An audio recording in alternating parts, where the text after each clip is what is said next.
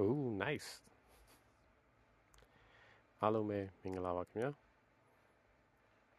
ကျွန်တော်တို့ရဲ့တင်ဘလောက်တန်တယ်ဆိုတော့အခန်းလေးကိုခဏနေစပါမယ်ထုံးစံအတိုင်းပေါ့အာကျွန်တော်လူခဏစောင့်လိုက်ပါအောင်မယ်ကျွန်တော်ရဲ့ကိုးစအနေနဲ့ဒါဒီနေ့မှာဝင်ရောက်ကူညီဆောင်ရွက်ပေးမယ်ကိုဇာနီလည်းရောက်မလာသေးဘူးဆိုတော့ကိုဇာနီကိုခဏစောင့်လိုက်ပါအောင်မယ်ခင်ဗျ အဲကျွန်တော်ဒီနေ့ setup ကတော့တချင်းဖွင့်လို့မရသေးဘူးပေါ့နော်တချင်းဖွင့်လို့မရသေးတဲ့အတွက်ကျွန်တော်တို့ဖွင့်ပေးလို့မရပါဘူးခဏစောင့်ပါကျွန်တော်တို့2မိနစ်လောက်နေလို့ရှိရင်အဲကျွန်တော်တို့အခန်းလေးကိုစပါမယ်အခုဒီရောက်လာတဲ့အချိန်မှာအစ်စ်တွေပါလို့မ join ရသေးဘူးဒီမြန်မာ club လေးကိုမ join ရသေးဘူးဆိုလို့ရှိရင်လည်းဒီမြန်မာ club လေးကို join ထားဖို့အတွက်ကျွန်တော်ဖိတ်ခေါ်ပါတယ်ဒီနေ့ room လေးကတော့အာကျွန်တော်တို့ record လုပ်ထားတယ်ပေါ့နော် replay on ထားပါတယ်တကယ်လို့ဒါဒီနေ့ညမှာတခြားနိုင်ငံတွေမှာရောက်နေလို့မမီလိုက်လို့အဆုံးထိနားမထောင်နိုင်လို့ အဲကိုကမလုံနိုင်ဘူးအဆင်မပြေဘူးဆိုလို့ရှိရင်လည်းအဲကျွန်တော်တို့နှောင့်နှေးကြလို့ရှိရင်ပြန်နားထောင်လို့ရတဲ့ mode လေးကို club house ကနေပြီးတော့စတင်မိတ်ဆက်လိုက်ပြီးပေါ့နော်အဲအတွက်ကြောင့်မလို့အာကျွန်တော်လောလောဆယ်မှာအဲအဲ့ဥစ္စာ replay ကို on ထားပါတယ်အဲလောလောဆယ်တော့လူခဏဆောင်လိုက်ပါ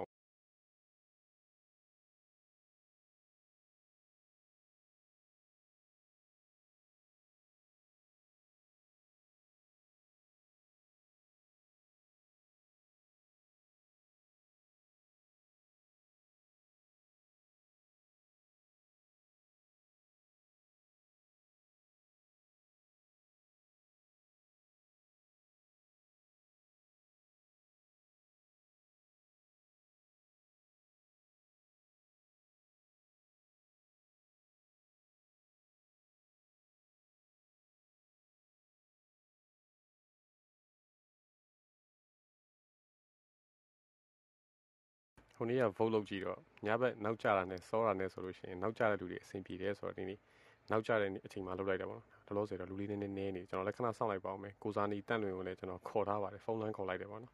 သူခဏနေလို့ရှိရင်တက်လာပါလိမ့်မယ်ခင်ဗျဟုတ်ဆောလောစီစီ hand raise လုပ်ထားတဲ့လူတွေလည်းတွေ့ပါတယ်အာ Q&A session ကြလို့ရှိရင်ကျွန်တော်တို့ stage ပေါ်ခေါ်ပေးပါမယ်ခင်ဗျာလောလောဆယ်တော့ခဏလေးတီးခံပြီးဆောင်ပေးပါအာဒီနေ့ ကနည်းနည်းထူးထူးဆန်းဆန်းဆိုလို့ရှိရင်ကျွန်တော်တခါမှမလုပ်ဘူးပေါ့နော်အာ club house မှာ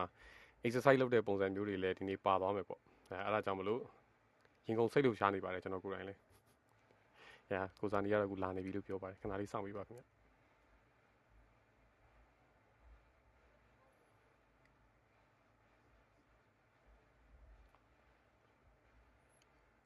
ကိုမိုက်ကယ်ကိုမိုက်ကယ်တို့လည်းလာပြီး try ပြီးရဆိုကျေးဇူးအများကြီးတင်ပါတယ်အာ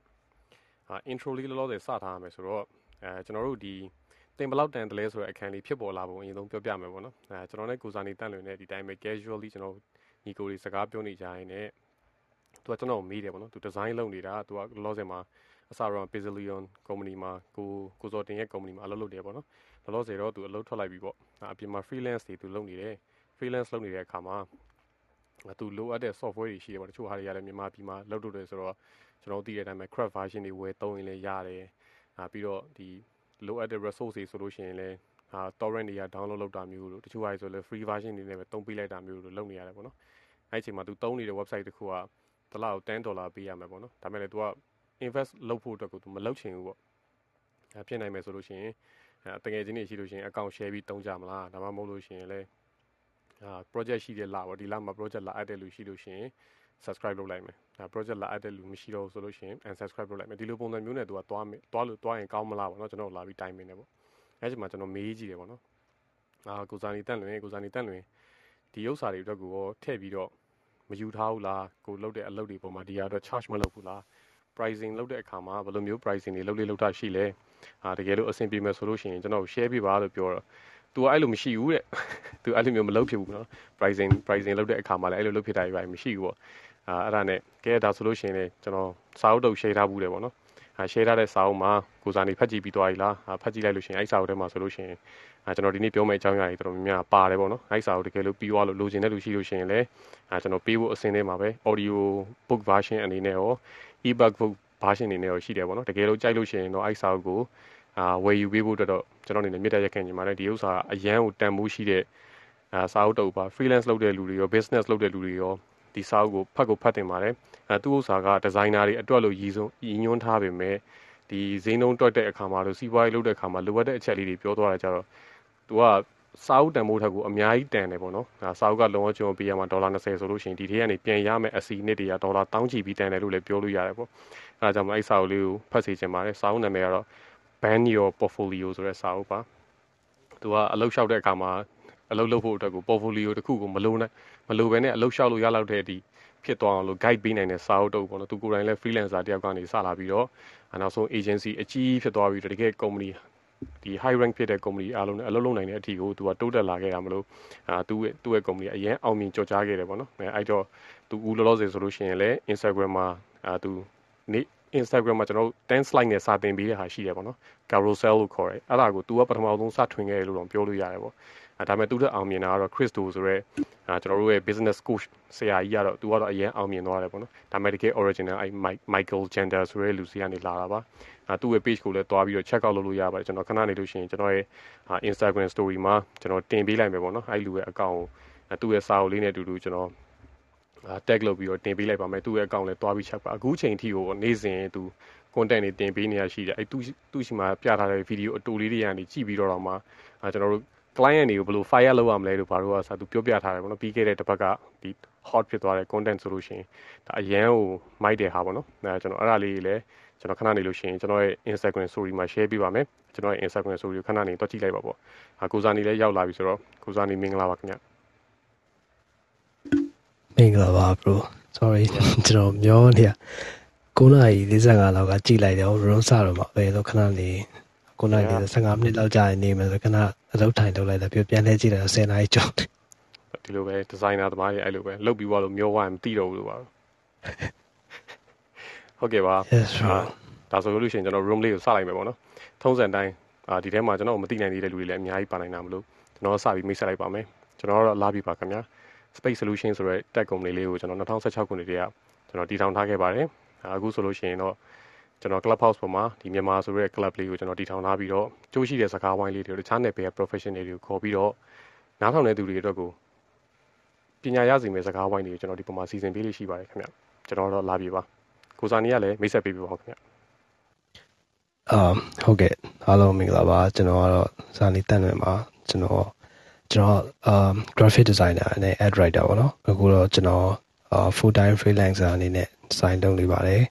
ကျွန်တော်လည်း Clubhouse မှာ Colavio နဲ့အတူတူပဲပေါ့နော်လာစတည်ပြီးတော့တော့ကျွန်တော်တို့က run တွေအတူတူလုပ်ဖြစ်တယ်ပြီးတော့ကျွန်တော်တခြား music နဲ့ပတ်သက်တဲ့ run တွေဒီ flame နဲ့ရုပ်ရှင်အနေနဲ့ပတ်သက်တဲ့ run တွေလည်းကျွန်တော်လုပ်ပြီးတော့စကားတွေပြောဖြစ်တယ်အခုတော့ run လောက်တာကြာပြီပေါ့နော်ကျွန်တော်လည်း Colavio နဲ့ဆိုဟိုတနေ့က run လို့ရုပ်တရက်တစ်ခုထားဖွင့်ပြီးတော့ host လုပ်လိုက်တာတစ်ခါပြီးရင်တော့ဒီတစ်ခေါက်ကလိုမျိုးအာတေချာပြန်လုပ်ဖြစ်တဲ့ run လို့ပဲပြောရမှာပေါ့နော် ဟုတ်ကဲ့ပါကျွန်တော်မပြောပြတာလည်းအရင်ကြာပြီပေါ့နော်ပထမပိုင်းဆိုလို့ရှိရင်ကျွန်တော် movie review တွေရော music review တွေရောအများကြီးမှအများကြီးပဲကျွန်တော် club house ကိုမြန်မာနိုင်ငံရဲ့လူတွေကြားထဲမှာအစားသုံးပြတာပထမပိုင်း first generation နဲ့မှာပါတယ်ပေါ့နော်အခုနောက်ရောက်လာတဲ့လူတွေက third generation လောက်ဖြစ်သွားပြီဆိုတော့အာ rapper တွေစကားနဲ့ပြောရင်ကျွန်တော်တို့ first generation နဲ့မှာပါတယ်ပေါ့နော်အဲဒါကျွန်တော်တို့ဒီနေ့အခန်းလေးကိုခုနကတော့ကျွန်တော်ဘာကြောင့်လုပ်ဖြစ်လဲဒီ topic ကဘယ်ကနေရောက်လာလဲဆိုတဲ့စကားလေးတော့ကျွန်တော်မိတ်ဆက်တော့ပြီးပြီးသွားပြီပေါ့နော်အရင်ဆုံးကျွန်တော် share ချင်တာကျွန်တော်ရဲ့ failure story တွေပေါ့နော် အာကျွန်တော်ဒီ pricing နဲ့ပတ်သက်တဲ့အကြောင်းတွေကျွန်တော်နားမလည်တော့ကျွန်တော်လည်းကိုစားနေတက်လွင်ဖြစ်တယ်လို့ဖြစ်ခဲ့ဘူးတယ်ပေါ့ကျွန်တော်လည်းကိုကိုတူကိုထအဆင့်ရနေပြီးတက်လာတာပေါ့နော်အာကျွန်တော်အိမ်မှာမနေဘူးဝတ်တဲ့ကိုတခုနဲ့ဆင်းလာပြီးတော့ကိုဘွားကိုကြောင်းပြီးတော့နေခဲ့တာ၁၀တန်းပြီးရပဲဆိုတော့အဲအဲ့ဒီမျိုးနည်းနည်းပြောရရင်ခေါင်းမာပြီးတော့တစိုးထိုးလုတ်တဲ့ကောင်တကောင်ထဲမှာပါတယ်ပေါ့နော်အဲ့တော့တချို့ຢာတွေမှာဘာဖြစ်လဲဆိုတော့ပညာမပြည့်ဝဘူးပေါ့ အာကျွန်တော်ကျောင်းပြီးတာကလည်းကျွန်တော် bio နဲ့ပြီးခဲ့တာဆိုတော့ကျွန်တော် eco wine ဆိုလို့ရှိရင်စီးပွားရေးနဲ့ပတ်သက်တာဆိုကျွန်တော်နားမလည်ဘူးပေါ့အာဒီဈေးကစားတာကြီးပါလေနားကျွန်တော်မင်္ဂလာဈေးထဲမှာကြီးတော့ကြီးခဲ့ပေမဲ့အာအဲ့ရလာတဲ့ပညာတွေကဘယ်လိုပြောပြရ memory က fade တော့ဖြစ်နေတာပေါ့နော်နောက်ကျမှတဖြည်းဖြည်းချင်းရေးရေးတဲ့ပြန်ပေါ်တော့ဩဒါကြောင့်မို့ဈေးတွေကလူတွေကဒီလိုကွက်တွေနဲ့ဒီလိုမျိုး pricing တွေကိုကစားကြတာပါလားဩအမျက်ဆိုလို့ရှိရင်ဒီလိုယူကြတာပါလားပေါ့နော်အဲအဲ့လိုမျိုးလေးတွေကဆိုနောက်ကျမှပြန်သိလာတာပေါ့ကျွန်တော်ရဲ့ failure ဆိုပြီးအကြီးကဘာလဲဆိုတော့ကျွန်တော်ကိုကျွန်တော်ဘယ်လောက်တန်လို့တန်မှကျွန်တော်မသိဘူးပေါ့အဲဒါပေမဲ့ကျွန်တော်က ဟိုចောင်းမာတွေကဘာလုပ်လဲဆိုတော့ state ចောင်းတက်တွေကကျွန်တော်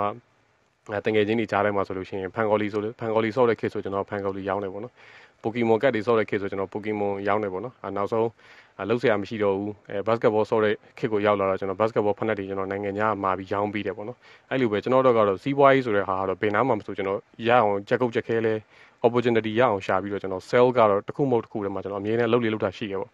ဒါပေမဲ့အဲ့လိုဟို ကျွန်တော်ကွန်ပျူတာနဲ့ပတ်သက်တဲ့ကျောင်းတက်တယ်ပေါ့နော် KMD မှာအဲ Asia World မှာတနစ်ခွဲလောက်လုပ်ပြီးတော့ထွက်လိုက်ပြီးတော့ KNU မှာကြောင်းတက်တဲ့ခါမှာဒီဟာပတ်စံအများကြီးရှာလို့ရမှာဆိုတော့ကျွန်တော်သိတယ်ပေါ့နော်မြန်မာနိုင်ငံရဲ့ဒါ future ဖြစ်နေတယ်အဲ့တုန်းက POS system တွေပါကြီးဆိုတော့ပြောရရင်လူတွေကမသုံးကြသေးဘူးပေါ့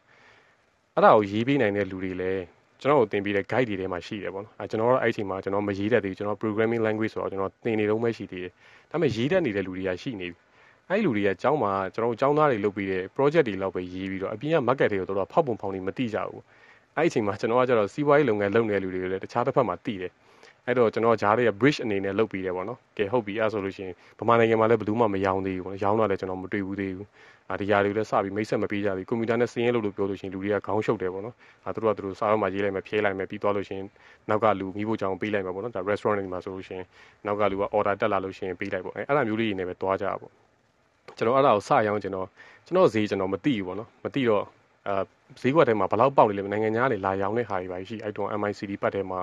နိုင်ငံခြားကုမ္ပဏီတွေကနေလာပြီးတော့ရောင်းတဲ့ software တွေရှိတယ်ပေါ့နော်သူတို့ဆိုလို့ရှိရင်အဲ့လို30တို့50တို့ယူကြကျွန်တော်နားမလဲဘူးပေါ့နော်ចောင်းသားအနေနဲ့ကြည့်လိုက်တယ်အဟိုဘက်ကရေးနိုင်တဲ့လူကျွန်တော်မေးလိုက်တယ်ပေါ့ရေးနိုင်တဲ့အကူဘယ်လောက်ယူမလဲဟာ तू က ရတယ်ကျွန်တော်9သိန်းဆိုလို့ရှိရင်ဘာ assignment လုပ်ပေးတဲ့ဟာကိုသူက3သိန်းပဲယူတာဆိုတော့အပြင် project real project ဆိုလို့ရှိရင်သူကလည်းဈေးမတောင်းတော့သူကလည်း9သိန်းယူမယ်ပေါ့ AR ဆို okay ငါတို့10သိန်းနဲ့ရောင်းချမယ်ပေါ့အဲပြီးွားလို့ရှိရင်ဒီကောင်က development ဘယ်လောက်ကြာမှာလဲဆိုတော့အဲ့တုန်းကဆိုအဲ့ software တစ်ခုရေးလို့ရှိရင်6လနဲ့6လကြာမှာကြာတယ်ပေါ့အဲဒီလိုကြာသွားတာ okay တဲ့ဒါဆိုလို့ရှိရင်အဆင်ပြေတယ်ပေါ့နော်အာကိုလည်း6လဆိုပြီးအချိန်ယူလိုက်အာကျွန်တော်တို့လောက်ကြမယ်ဆိုပြီးလောက်တယ်ဒါပေမဲ့အချိန်တန်းလို့စီးရင်ချုပ်လိုက်တော့ရှုံးနေတယ်ဗျာဘာလို့ရှုံးလဲဆိုတော့အဲကျွန်တော်ကြားထဲမှာသွားတွေ့ရတဲ့ကားကားတွေရှိတယ် ဆိုင်တွေမှာချင်းချင်းပြီးတော့တွေ့တဲ့ဟာတွေရှိတယ်ကျွန်တော်တို့ print ထုတ်ပေးရတဲ့ material တွေရှိတယ်သူတို့ဆိုင်တွေကိုခဏခဏသွားပြီးတော့ installation လုပ်ပေးရတယ်ကွန်ပျူတာတွေပြတ်တိုင်းတွက်ကြည့်ပေးရတယ်ဒါတွေကိုကျွန်တော်တို့ကထည့်ပြီးပေးပါမယ်လို့မပြောထားဘူးပေါ့နော်။ပါဇက်ကလည်းရှည်ကြောပြီးတော့အာမခံထားပြီးတာတနစ်ပေါ့နော်။အာမခံတယ်တနစ်တွင်မှပြဿနာကြိုက်တဲ့လောက်ဖြစ်ပေါ့နော်။ကျွန်တော်တို့လာပြီးကူညီဖြည့်ရှင်းပေးမယ်ဆိုပြီးတော့အာမဘန်းတွေခံထားတာပေါ့။အဲ့တော့ယူလိုက်တာကတော့10သိန်းပေါ့နော်။ဒါပေမဲ့ကျွန်တော်တို့စီကနေအာ6လပြီးသွားတော့ development အားလုံးပြီးတဲ့အချိန်မှာ ရေးကတော့9သိန်းကျတာမှန်ပေမဲ့ခုနကပြောသလိုတက်စီတွေနဲ့အသွားပြန်အစားအသောက်တွေနဲ့ပေါင်းလိုက်တော့ကျွန်တော်တို့9လပတ်ချလဲလောက်မှာကျွန်တော်တို့ကပြီးတဲ့ပတ်စံကုံသွားတယ်ဗျာမှလည်းမသုံးလိုက်ရတော့ဘူးပေါ့နော်အဲ team တစ်ခုလုံးလည်းဘာမှသုံးစရာမရှိတော့ဘူးပေါ့အဲပြီးတော့မှပြန်ပြီးတော့နောက်လာတွေနောက်လာတွေကြတော့ကျွန်တော်တို့ပြန်သွားပြီးဟိုသူတို့ service ပေးရတာတို့ maintenance လုပ်ပေးရတော့အခါကျတော့ကျွန်တော်တို့က 8 site ကြီးပဲဖြစ်လာအဲ့တော့ကြာတော့ဘူလာပြီပေါ့နော် programmer တွေကလည်းသူတို့9သိန်းရမယ်ထင်လို့လုပ်လိုက်တာ အဲပြီးတော့အချိန်တန်တော့သွားပြန်ပြီးသွားပြန်ပြီးသွားပြန်ပြီးပေါ့ကျွန်တော်လည်းရတာမှအမြက်ကမှ3သိန်းပေါ့နော်ဒါပေမဲ့ရှုံးနေတုံးပဲပေါ့အဲ့ကြမှာဩငါဒါဆိုလို့ရှိရင်ငါဒါတွေထဲမတွက်မိဘူးပေါ့နော်အဲကျွန်တော်လည်းလုံးဝ business ကိုဟိုဗလာချင်းကနေစခဲ့တာဆိုတော့အဲ့ချိန်မှာမှကျွန်တော်ရဲ့အားနည်းချက်တွေကိုသိသွားပြီးတော့ကျွန်တော်ဒီ economic နဲ့ပတ်သက်တာတွေငါလေ့လာမှဖြစ်မယ်ဒါတွေမလေ့လာလို့ရှိရင်ငါစီးပွားရေးလောကမှာငါတိုးလို့ရမှာမဟုတ်ဘူးဆိုတာသိခဲ့တဲ့အတွက်အဲကျွန်တော်ဒီဘက်စီးပွားရေးနဲ့ပတ်သက်တဲ့ဟာတွေကိုလေ့လာခဲ့တယ်အဲ့မှာမှကျွန်တော်ရဲ့တန်ဖိုးကိုကျွန်တော်ဘယ်လောက်ထားရမယ်ဆိုတော့ revision တွေသိလာတာပေါ့နော်အဲဒါကတော့ကျွန်တော်ရဲ့ failure story တွေပါ အဲဒုတိယတစ်ခုအနေနဲ့ငါကိုဇာနီတန့်လွင်ကိုလည်းခေါ်ခေါ်ပြီးတော့မေးမယ်ပေါ့နော်ကိုဇာနီတန့်လွင်ရောအခုလောလောဆယ်မှာဘာဒီလုတ်ဖြစ်နေလဲပေါ့နော်အခုလည်းလောလောဆယ်ဒီဇိုင်းတွေလုပ်နေတာဆိုတော့ဘာတွေလုတ်ဖြစ်နေလဲဗျ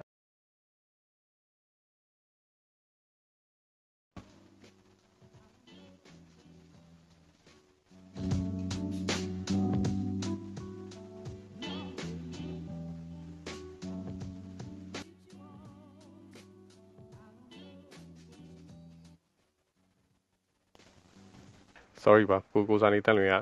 ဟို music ကိုနောက်ကနေဖွင့်ပေးလို့ရအောင်ဆိုပြီးသူစူးစမ်းနေတော့ music တန်တော့အခုကြားရပါပြီကျွန်တော်နောက်က back channel ရစာတွေခုမှဖတ်လို့ရလို့ပါအဲဒုတိယတစ်ခုအနေနဲ့ကျွန်တော်ကိုစာနီကိုစာနီမရသေးဘူးဆိုလို့ရှိရင်ကျွန်တော်ဒီဘက်ကထပ်ပြောထားလိုက်မယ်ပေါ့နော်အဲကျွန်တော်မှအဲ့လိုမျိုးနောက်ပိုင်းကဲကိုဈေးနှုန်းကိုကိုတိလာတော့နောက်ထပ်ဒုတိယပြဿနာပေါ့နော် second ပြဿနာဘာရှိလာသေးလဲဆိုတော့အာအရင်တော့ဟုတ်ပြီဒီ software တစ်ခုကိုကျွန်တော်က9သိန်းကို10သိန်းနဲ့မြတ်တင်ပြီးရောင်းလိုက်တယ်နောက်တစ်ခါတော့ငါ net သွားပြီပေါ့အဲ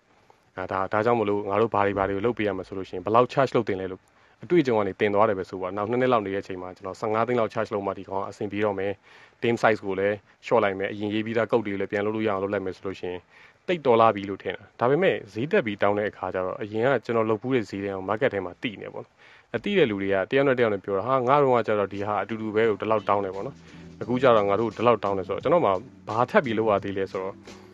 သူတို့အချိန်တစ်ခုပေးပြီးတော့ educate လုပ်ပေးရတာကျွန်တော်ဒီလိုမျိုး charge လုပ်ရတာဘာကြောင့်လုပ်ရတယ်ဘယ်ဟာတွေကဖြစ်အောင်လုပ်ရတယ်ကျွန်တော်မှဘာစရိတ်တွေရှိတယ်အာကျွန်တော်တို့ team size ကဘယ်လောက်ရှိတယ်တယောက်ကိုလာစားပေးလို့ရှိရင်ဘယ်လောက်အချိန်အားဖြင့် hourly rate ကဘယ်လောက်ပေါ့နော်ဒါတွေကအစပြန်တွက်ပြန်တွက်ပြရတော့မထင်မဖဲနဲ့အဲ့လို client တွေကို educate လုပ်ရတဲ့အပိုင်းတွေပါဆက်ပြီးပို့လာတယ်ပေါ့နော်အဲအဲ့အပိုင်းတွေကတော့မှန်တိုင်းပြောလို့ရှိရင်ဒါဒီထဲမှာဟို freelance လုပ်ဘူးတဲ့လူတွေရှိလို့ရှိရင်လည်း ကြုံဘူးကြမယ်လို့ထင်ပါတယ်ကျွန်တော်တို့ကတော့ KU ဘိုင်းစုံတယ် KU ဘိုင်းကြာသွားဆိုတော့ပိုဆိုးတာပေါ့နော်အာလူတိုင်းကဒီဥစ္စာနဲ့ပတ်သက်ပြီးမရင်းနှီးကြဘူးအာဒါမျိုးတွေမလုပ်ဘူးကြဘူးဆိုတော့အာကျွန်တော်တို့မှာဒီတစ်ခုတစ်ခုကိုတင်ပေးဟုတ်ကြားပြီးပြောပြီးဖို့ဆိုရင်တော်တော်ဒုက္ခရောက်ခဲ့တယ်ပေါ့နော်အဲဒါကြောင့်မလို့ကျွန်တော်ရဲ့ဒီ Instagram မှာလည်းကျွန်တော် page တစ်ခုလုပ်ပြီးတော့ client တွေကိုဖြည်းဖြည်းဖြည်းချင်းဒီပေါ့နော်အရင် educate လုပ်တယ်ဆိုလို့ရှိရင်လည်းတချို့တတိတွေကမကြိုက်ကြဘူးအဲဒါကြောင့်ကျွန်တော် space solution ဆိုတဲ့ကျွန်တော်ရဲ့ Instagram page လေးမှာဆိုကျွန်တော်ဘာလုပ်ပြီးလဲဆိုတော့ negotiate လုပ်လို့ရှိရင်ဘယ်လိုလုပ်ရလဲတို့အာ ပြီးလို့ရှိရင်စာဖတ်လို့ရှိရင်ဘယ်လိုဖတ်ရလဲတခြားလူစီကနေဘယ်လိုသင်ယူရလဲဘာညာပေါ့နော်ဖြည်းဖြည်းချင်းညံ့ညံ့ညံ့ညံ့ပြီးတော့ education နဲ့ entertainment တွေကိုကျွန်တော်ရောပြီးတော့ edutainment content လေးတွေကျွန်တော်တင်တင်ပြီးတော့ဖြည်းဖြည်းချင်းဒီပဲပြန်ဆွဲလာလို့ရတယ်ပေါ့နော်အဲ့လိုမျိုးတွေလုပ်ပြီးတော့မှပဲကြာလာတော့ client ရဲ့ဖြည်းဖြည်းနဲ့ educate ဖြစ်လာတော့ဩတော့ तू ကဒါတွေဒါတွေဒါတွေလည်းသိပြီးသွားပြီဟောဒါတွေဒါတွေရတယ်သူတို့ဘက်မှာရှိပါလားဟောဟုတ်ပါဒီလောက်6လလောက်အချိန်ပေးပြီးလုပ်တော့မှသူ့အမြတ်ကဒီလောက်ပဲရှိပါလားဟောဒါဆိုလို့ရှိရင်ငါတို့ပြီးတဲ့ price ကသူတို့တောင်းတဲ့ price က fair ဖြစ်ပါလားဆိုတာမျိုးစပြီးသိလာတာပေါ့နော်အဲ့တော့ကျွန်တော်ဒီနေ့ပြောပြပြီးတော့မှာတော့ကျွန်တော်တို့အမားတွေကိုထပ်ပြီးတော့ဒီတရက်ညီကိုမောင်နှမတွေထပ်ပြီးမမှားအောင်လို့အာကျွန်တော်ကစေတနာဘလဘွားကြီးနဲ့ပြောပြပြီးပါပေါ့နော်အာ warning တစ်ခုတော့ပေးစရာရှိတယ်ပေါ့နော်ဒီနေ့တကယ်လို့ဒီအခန်းထဲကိုဝင်ပြီးနားထောင်ပြီးသွားပြီဆိုလို့ရှိရင်တော့အရင်လိုပြန်တူတော့မှာမဟုတ်ဘူးပေါ့နော်အရင်လိုပတ်စံပေါ်မှာမြင်နေတဲ့အမြင်တွေအရင်လိုကို project ကိုကို price လုပ်ချင်တဲ့ပုံစံတွေကစပြောင်းလဲတော့မှာပေါ့နော် အဲ့တော့ဒီဒီခန်းထဲကိုရောက်နေပြီဆိုလို့ရှိရင်တင်ကပြောင်းလဲဖို့ ready ဖြစ်နေပြီလို့ကျွန်တော်ယုံကြည်ပါတယ်ဒါကိုစာနီရော ready ဖြစ်ပြီလားဗျကျွန်တော်မှားကျင်သေးရအမားတွေလည်းပါတရားပျော်သေးရဲ့ Okay စာပါ ready ပါကျွန်တော်လည်းဒီကိစ္စကကျွန်တော်စာရေးကိစ္စဆိုတော့စာအုပ်မဖတ်လို့စုကန်း ဟုတ်ကဲ့ပါတကယ်လို့အခုဒီပြောနေတဲ့ထဲမှာကိုစာနီရဲ့ information တွေကိုထားပါတော့100% accuracy မပေးခြင်းလဲကျွန်တော်တို့ range တစ်ခုအနေနဲ့ပေးလိုက်ပေါ့နော်အဲကျွန်တော်အခုချိန်ကနေစပြီးတော့အောက်ကလူတွေလည်းတကယ်လို့အာ freelance လုပ်နေတဲ့လူတွေပါတယ်တကယ်လို့အလုပ်လုပ်နေတဲ့လူတွေပါတယ် product ထုတ်ရောင်းနေတဲ့လူတွေပါတယ်ဆိုလို့ရှိရင်အာစာရွက်လေးနဲ့ခဲတံလေးနဲ့ယူထားပါတော့ဖုန်းထဲမှာတော့ calculator ပါပြီးသားဆိုတော့ ကိုစာနီးကိုကျွန်တော်ပြပြနေတယ်အောက်ကလူတွေလည်းဝိုင်းပြီး try ကြည့်ကြမယ်ပေါ့နော်ဒီ method လေးကျွန်တော်ပြပြပြီးသွားမယ်တစင်ချင်းဒီဘလို့ဘလို့လို့တွက်ရမယ်ဘာတွေထည့်ပြီးတော့ပေါင်းဖို့လိုတယ်ဘယ်လိုမျိုး equation တွေနဲ့တွားရမယ်ဆိုတဲ့ဟာလေးကိုကျွန်တော် share ပြီးတော့မှာဖြစ်ပါတယ်အားလုံးလည်းအဲ ready ဖြစ်မယ်လို့ထင်ပါတယ်စာရွက်တကယ်လို့မရှိခဲ့ဘူးဆိုလို့ရှိရင်လည်းကိုကိုကိုဖုန်းလေးရဲ့ note ဆဲမှာဖြစ်ဖြစ်ထည့်ပြီးမှတ်ဖို့အတွက်ကျွန်တော် recommend ပေးပါတယ်အာတကယ်တမ်းဖြစ်စေချင်တာကတော့ before and after ကိုလည်းကျွန်တော်သိချင်တယ်ပေါ့နော်အခုလောလောဆယ်မှာ code က word ကဘယ်လောက်ရှိလဲပေါ့နော်အဲ့ဒါကိုကျွန်တော်ဖြစ်နိုင်လို့ရှိရင် back channel ကနေပြီးတော့ပို့လိုက်ပါအဲ့ information တွေ leak မဖြစ်ပါဘူးအာစိတ်ထဲမှာရှိတဲ့ imaginary number ပဲဆိုလို့ရှိရင်လည်းရတယ်ပေါ့နော်အဲ့ number တစ်ခုခုကိုကျွန်တော် back channel ကနေအရင်ဆုံးပို့ထားလိုက်ပါဒါဆိုလို့ရှိရင်ကျွန်တော်နဲ့တူတူလေ့ကျင့်ခန်းလိုက်လို့လွယ်လို့ဘယ်နှယောက်ရှိလဲလို့ကျွန်တော်လည်းသိရမှာပေါ့နော်အဲ့ဒါဆိုလို့ရှိရင်ပိုကောင်းပါတယ်ပြီးသွားလို့ရှိရင်ကျွန်တော်နဲ့တူလိုက်တော့ number က sorry နော် number ကဟွာလား10 to 100လား no 10 to 100တည်းကြိုက်တဲ့ဟာလားကိုယ့်ရဲ့ကိုယ့်ရဲ့ word တစ်ခုပေါ့နော်ကိုကလောလောဆယ်မှာ project တစ်ခုဆိုလို့ရှိရင်ကိုတို့ကဒီ price ဒီ price ကိုကျွန်တော်ယူထားတယ်အဲ့လိုမျိုးပေါ့နော်အဲ for example ဟုတ်ဟုတ်အဲ့ဒါကိုပြောရတယ်30 30ဖြစ်မလား20ဖြစ်မလားအဲ့လိုမျိုး30ကနေ100အတွင်းမှာဘယ်နံပါတ်ဖြစ်မလဲပေါ့နော်အဲ့လိုမျိုး yeah whatever you whatever you 50ဆို50ပေါ့အဲ့လို yeah something ဒေါ်လာနဲ့ဒေါ်လာနဲ့ပြောချင်တယ်ဆိုလို့ရှိရင်ရှေ့ကနေဒေါ်လာဆိုင်လေးထည့်ပြီးတော့ပြောလဲရတယ်ပေါ့နော်ဗမာငွေနဲ့ပြောချင်တယ်ဆိုလို့ရှိရင်လည်းထားပါတော့ logo တစ်ခုကိုဘယ်နှသိန်းယူမလဲ10သိန်းလား15သိန်းလား30လားပေါ့နော်အဲ့ဒါတွေကစကိုယ့်ရဲ့ word ကတော့အဲ့လောက်တန်တယ်လို့ကိုကိုကိုထင်တယ်ဆိုတော့အရင်ဆုံးအဲကျွန်တော် back channel မှာရင်ပို့ထားလဲရတယ်ဒါမှမဟုတ်လို့ရှိရင်စာရွက်မှာချရေးထားလိုက်ပေါ့နော်ဒါဆိုလို့ရှိရင် before နဲ့ after လေးနဲ့သိရတာကိုက over charge ဖြစ်နေလား under charge ဖြစ်နေလားလဲဒီဟာလေးပြီးသွားရင်ကိုကိုကိုပြန်ပြီးတော့စမ်းစစ်လို့ရတော့မှာပေါ့နော် ကိုစာနီကရောလောလောဆယ်မှာဘယ်လိုမျိုး charge လုပ်လဲပေါ့အာဟုတ်ဘယ်လို charge လုပ်လဲဆိုကျွန်တော်ခုနခုနပြောသလိုပေါ့နော်ဟို30ကနေ100အထိ rate အတွင်းဆိုလို့ရှိရင်ကျွန်တော်က80လောက်ယူတယ်အရင်လည်းမများအရင်လည်းမနေဘူး middle လည်းမကြောက်ဘူးပေါ့နော် okay so for example case တစ်ခုအနေနဲ့ပြောပြမယ်ပေါ့ logo တစ်ခုအပ်တယ်ဆိုလို့ရှိရင်ကိုစားနီးကအချိန်ဘယ်လောက်ယူပြီးလုပ်ရတယ်တစ်ပတ်လားနှစ်ပတ်လားတစ်လလား ကျွန်တော်ပြောချင်တာ client ကိုပေးတဲ့အချိန်ကိုပြောတာနော်ကိုကိုတိုင်းဆွဲတာတော့3-4ရက်ပဲကြာရင်လည်းကြာမှာပေါ့ဒါကတော့ကျွန်တော် creative အချင်းချင်းတွေဆိုတော့သဘောပေါက်တယ်ပေါ့ဒါမှ3-4ရက်ကို inspire ဖြစ်ပြီးတော့ idea ကျလာမှုအတွက်လည်းကျွန်တော်တို့3-4ဘက်အချိန်ပေးရတာမျိုးလည်းရှိတယ်ပေါ့နော်အဲ့လိုဒီစဉ်းစားပြီးတော့မှအဲ့ချိန်ကျမှထွက်လာဆိုလူတွေကမမြင်ဘူးပေါ့နော်ဒီပေးပေးတန်လေးခဲတန်လေးကန်ပြီးတော့ဆွဲလိုက်လို့အာ logo တခုထွက်လာတာတနာရီတွင်းပြီးသွားရဆိုလို့ရှိရင်မင်းကငါ့ကိုဘာလို့နာရီ30သာ charge လုပ်တာလဲလို့ပေါ့လာမေးရလူတွေရှိတယ်ပေါ့အဲ့ဒါမထွက်လာခင်မှာကျွန်တော်တို့မှာခေါင်းထဲမှာအများကြီးစဉ်းစားနေရတဲ့ဟာတွေရှိတယ်ဒါတွေတို့မမြင်ဘူးပေါ့နော် အဲအဲ့ဒါအဲ့ဒါလေးတွေလည်းဒီဒီထဲမှာပြောသွားရင် educate လုပ်ပြီးသွားမယ်ပေါ့ဒါဆိုလို့ရှိရင်နောင်ကိုဇာနီစီမှာလာပြီးတော့ logo အပ်ရှင်တဲ့လူတွေဒါတီးပြီးသားဖြစ်သွားတာပေါ့ကိုဇာနီကအဲ့တော့ logo တခုအပ်မယ်ဆိုလို့ရှိရင်ဒါ example case အနေနဲ့ပေါ့နော်အချိန်ဘယ်လောက်တောင်းလေးတောင်းတာရှိတယ်ဗျဟုတ်ကျွန်တော်ကတော့ဟို hourly charge မလုပ်ဘူးပေါ့နော် hourly ဆိုတာပဲနှစ်နာရီကျွန်တော်လုပ်မယ်အဲ့လိုမျိုး40 46နာရီလုပ်မယ်ပါညာကျွန်တော်မပြောကျွန်တော်ကကြောက်လို့မျိုးအာဒီကိုသူတို့ရက်နေပေါ့နော်ရက်နေကျွန်တော်က ဟိုပြောပြီးတော့ charge လုပ်တယ် charge လုပ်တယ်ဆိုတာဥပမာ client တခုက small business logo တခုလုပ်မယ်ဆိုရင်ကျွန်တော်တပတ်လောက်အတွင်းလုပ်ပေးလုပ်ပေးလိုက်တယ်ဒါမှမဟုတ်သူ့ scope ကလည်းနည်းနည်းကျယ်တယ် company နည်းနည်းကြီးတယ်လိုချင်တဲ့သူ့ရဲ့လိုမျိုးအာသူလိုချင်တာနည်းနည်း logo က detail တွေများမယ် detail များမယ်ဆိုတော့ဥပမာ brand identity ပါလာမယ်ကိစ္စတွေအဲ့လိုမျိုးလို့ကျွန်တော်ဘက်ကလောက်ရမယ် scope ကျယ်သွားလို့ရှိရင်လို့တစ်ပတ်ကနေနှစ်ပတ်နှစ်ပတ်ကနေသုံးပတ်ပေါ့နော်အဲ့လိုမျိုးတော့ကျွန်တော် Okay ဒါဆိုအကြာဆုံးကအကြာဆုံးကဘယ်လောက်ရှိလဲအကြာဆုံးကအချိန်ဘယ်လောက်ကြာတယ်အကြာဆုံးက3ပတ်ပေါ့3ပတ်3 weeks okay ကျွန်တော် line မှတ်ထားလိုက်မယ်နော်ကျွန်တော်လည်းလိုက်ပြီးတော့အားလုံးနဲ့အတူတူ exercise ဝိုင်းလုပ်ပေးမယ်ပေါ့ကြာချိန်က3ပတ်ပေါ့နော် okay တရက်ကိုကိုစာနီကအချိန်ဘယ်လောက်လောက်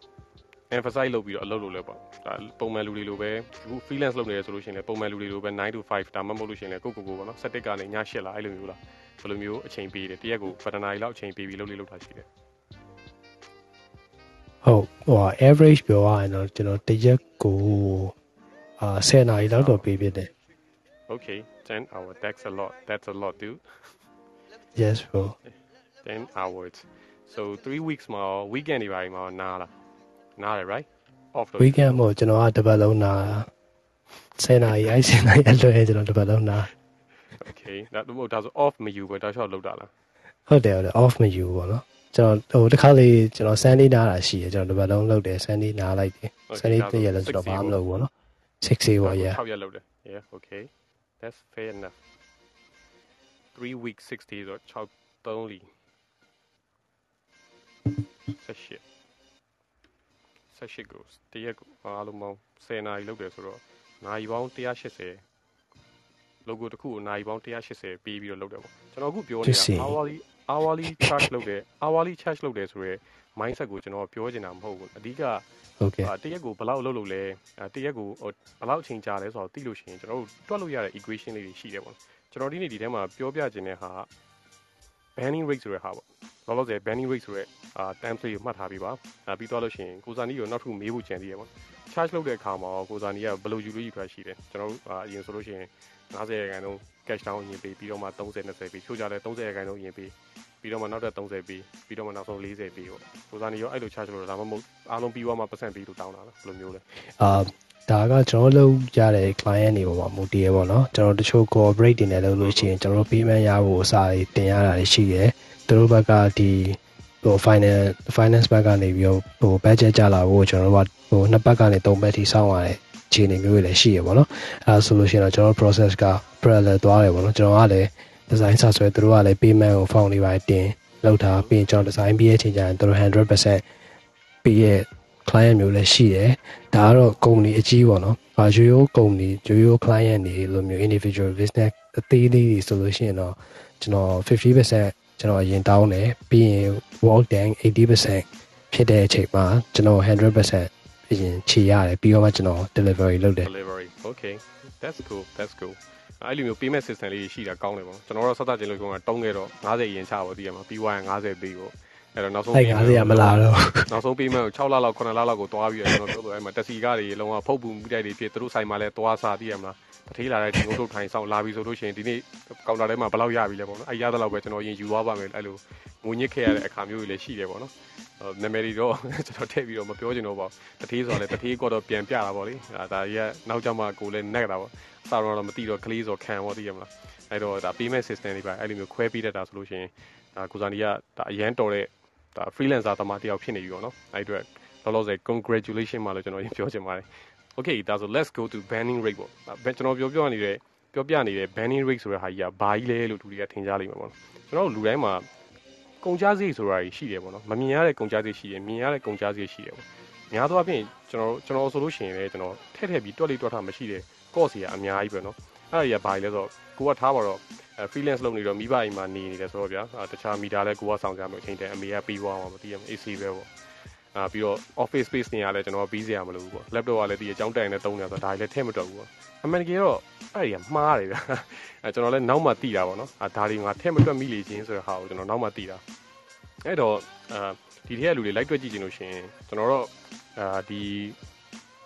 event လေးမစခင်2နာရီလောက်မှာကျွန်တော်ကြိုတင် prepare လုပ်ထားပြီးတော့ရှာကြည့်တော့မြန်မာနိုင်ငံမှာရက်ထက်နှစ်ဆိုလို့ရှိရင်တော့မှကျွန်တော်တို့က weekend စီကိုဖယ်လိုက်မယ် public holiday တွေဖယ်လိုက်မယ်ဆိုလို့ရှိရင်ကျွန်တော်တို့ကတစ်နှစ်မှာအလုပ်လုပ်တဲ့ရက်ကအားလုံးပေါင်း241ရက်ရှိတယ်ပေါ့နော်အဲအဲ့241ရက်ဆိုတာလေးကိုဒီထဲမှာရှိတဲ့လူတွေမှတ်ထားပြီးပါပေါ့နော်အဲဘာလို့လဲဆိုတော့နောက်ပိုင်းတွက်မဲ့ calculation တွေမှာအဲ့ဒါထည့်ပြီးသုံးမှာမလို့ပါအဲကျွန်တော်တို့ average လူတိုင်းလူတိုင်းပေါ့နော်မြန်မာနိုင်ငံမှာလုပ်နေတဲ့အလုပ်လုပ်နေတဲ့လူတွေရဲ့90%လောက်မှာအလုပ်လုပ်တဲ့ရက်ပေါင်းက241ရက်ရှိပါတယ် it may vary ပေါ့နော်တစ်နေ့နဲ့တစ်နေ့တော့ကွာသွားမယ်ပေါ့ရုံးပိရက်တွေကွာသွားကြအောင်အဲ238ရက်ဖြစ်ရင်လည်းဖြစ်မယ်241ရက်ဖြစ်ရင်လည်းဖြစ်မယ်ပေါ့ at most ကတော့အများဆုံးကတော့241ရက်ပေါ့အဲ241ရက်ဆိုတာလေးကိုမှတ်ထားပြီးပါကိုစာနီလည်းမှတ်ထားပြီးပါခင်ဗျဟုတ်ကဲ့ပါ okay ကိုစာနီကပြီးတော့241ရက်အဲ့ဒါကျွန်တော် weekend စီလည်းဖယ်ပြီးသားနော်ကိုစာနီကတစ်ရက်ပဲနားတယ်ပြောကျွန်တော်အဲ့မှာ2ရက်နားထားပြီးတာဒါမပေါင်းထားဘူးပေါ့အဲ2ရက်နားထားပြီးတယ်တစ်ရက်ကိုကိုစာနီက10နာရီတော့အလုပ်လုပ်တယ်နော် အဲ့ဒါဆိုလို့ရှိရင်ကိုစာနီကျတော့အမြောက်တန်းနဲ့မြောက်အောင်ပါပေါ့တစ်နှစ်မှာဘယ်လောက်လုပ်လို့လဲဆိုတော့သိချင်လို့ရှိရင်မြောက်တန်းနဲ့မြောက်လိုက်လို့ရှိရင်ကိုစာနီကဘယ်လောက်လုပ်လို့လဲဆိုတော့2410 hours တောင်အလုပ်လုပ်တယ်တစ်နှစ်တစ်နှစ်မှာ wow that's a lot that's a lot dude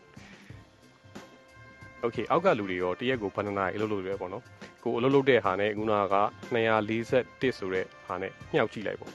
မြောက်ကြည့်လိုက်လို့ရှိရင်တစ်နှစ်တစ်နှစ်ကိုကိုအလုပ်လုပ်ရမယ် အချိန်နာရီဆိုတာထွက်လာလိမ့်မယ်ပေါ့နော်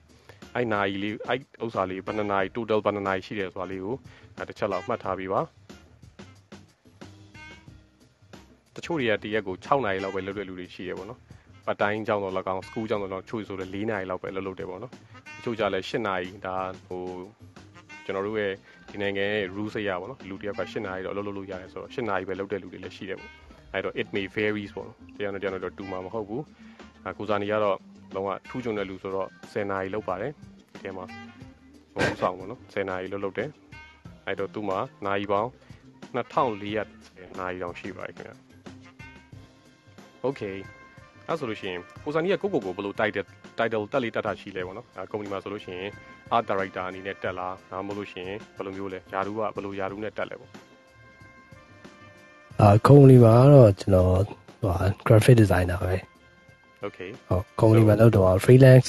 freelance အခုလုပ်နေတဲ့အချိန်မှာတော့ art writer ပေါ့နော်อือ Okay yeah graphic designer လည်းပဲတွားလိုက်ပါ graphic designer မှာလည်း senior တွေ junior တွေရှိသေးရဆိုတော့ကိုစားနေဆိုကို yeah senior လို့သတ်မှတ်လား senior okay yes so အဲ့ဆိုရင် Google မှာတစ်ချက်လောက်ရှာကြည့်လိုက်ပါတော့ကျွန်တော်တို့ကအခုက international ခေတ်ရောက်သွားပြီဆိုတော့ international price tag ကဘယ်လောက်လောက်ရှိလဲလို့ကြည့်မယ်ပေါ့နော် တခြားတခြားနိုင်ငံတွေနဲ့မရှင်သေးရင်တော့မှအာ time မှာရှိတဲ့အာ senior graphic designer ရဲ့လာစာကိုတစ်ချက်လောက် googling လုပ်ပြီးတော့ကျွန်တော် answer လေးတစ်ချက်လောက်ပြောပြပေးပါအောက်ကလူတွေလည်းကိုကိုကို title title တစ်ခုသတ်မှတ်လိုက်တယ်ဆိုရင်ပေါ့နော် title ဆိုတာအမျိုးမျိုးဖြစ်နေတယ်ဒီထဲမှာ architect ကြီးလည်းပါတယ်ပြီးသွားလို့ရှိရင်ဒီ sound dubbing လုပ်ပြီးတဲ့အကိုတွေလည်းပါတယ်ငါဒီထဲမှာပြီးသွားလို့ရှိရင်အာ content တွေ create လုပ်ပြီးတော့ကြော်ညာတွေရိုက်ပေးနေတဲ့အကိုတွေလည်းပါတယ်အဲလူတွေကဘောင်းဆောင်ဆိုတော့ ကိုယ့်ရဲ့တန်ဖိုးကဘယ်လောက်လဲပေါ့နော်အဲကိုကတကယ်လို့ CEO ဆိုလို့ရှိရင်လည်း CEO ကကိုကုမ္ပဏီထောင်ထားတဲ့ CEO ဒါဆိုလို့ရှိရင်တစ်လောက်က350လာစာယူမှာလားပေါ့နော်အဲဆိုလို့ရှိရင်လည်း350ဆိုတဲ့ amount ဘလောစင်မှာချရေးထားလိုက်ပေါ့နော်ဒါမှမဟုတ်လို့ရှိရင်လည်းကို့မှာမျှော်မှန်းလာစားပေါ့နော်ကိုကတော့ဒါဒီ skill ဒီ skill ဒီ skill တွေရှိတယ်လောလောဆယ်မှာတော့အလုပ်မလုပ်သေးဘူးဒါပေမဲ့ကုမ္ပဏီတစ်ခုမှသာအလုပ်လုပ်ခဲ့လို့ရှိရင်ကျွန်တော်တို့တစ်လားတစ်လားလာစားဘယ်လောက်ရတင်တယ်ဆိုတာမျိုးအဲရှိမယ်ပေါ့နော်မျှော်မှန်းလာစားပေါ့အဲမျှော်မှန်းလာစားလေးကိုချရေးပေးပါ ပြီးတော့လို့ရှိရင်စက်နဲ့နဲ့မြောက်လိုက်ပါခင်ဗျဒါဆိုလို့ရှိရင်တစ်နှစ်တစ်နှစ်ကိုယ့်ရဲ့ဝင်ငွေဆိုအောင်သိရပါလိမ့်မယ်ကိုစားနေရောအဖြေရှာလို့တွေ့တာဗျ Thailand က bad တောင်းတဟိုလေး base salary တော့ကျွန်တော်ဟောင်းမေးရလားဟိုက yeah ခုန yeah ထိုင်းအောင်ပြောပြောခိုင်းတာလားဟုတ်ထိုင်းထိုင်းရထိုင်းရဈေးပေါ့နော် ဒါကိုစားနီ information နောက်မှကိုယ့်ကိုထည့်တွက်ချင်နေရတယ်ပေါ့ထိုင်းရဈေးဆိုလို့ရှိရင်ဘယ်လောက်ရှိကျွန်တော် example အများဆုံးက6ပြလိုက်မယ်တစ်နှစ်စာလာတာ6000อ่ะ yeah base salary တစ်နှစ်စာကဟို10ရ6000သိန်း6သိန်းအများဆုံးက6သိန်း6သိန်း9000ပေါ့နော်6သိန်းတ let's say 6သိန်းပေါ့ဘတ်6သိန်းတစ်နှစ်စာကို6သိန်းရမယ်နော်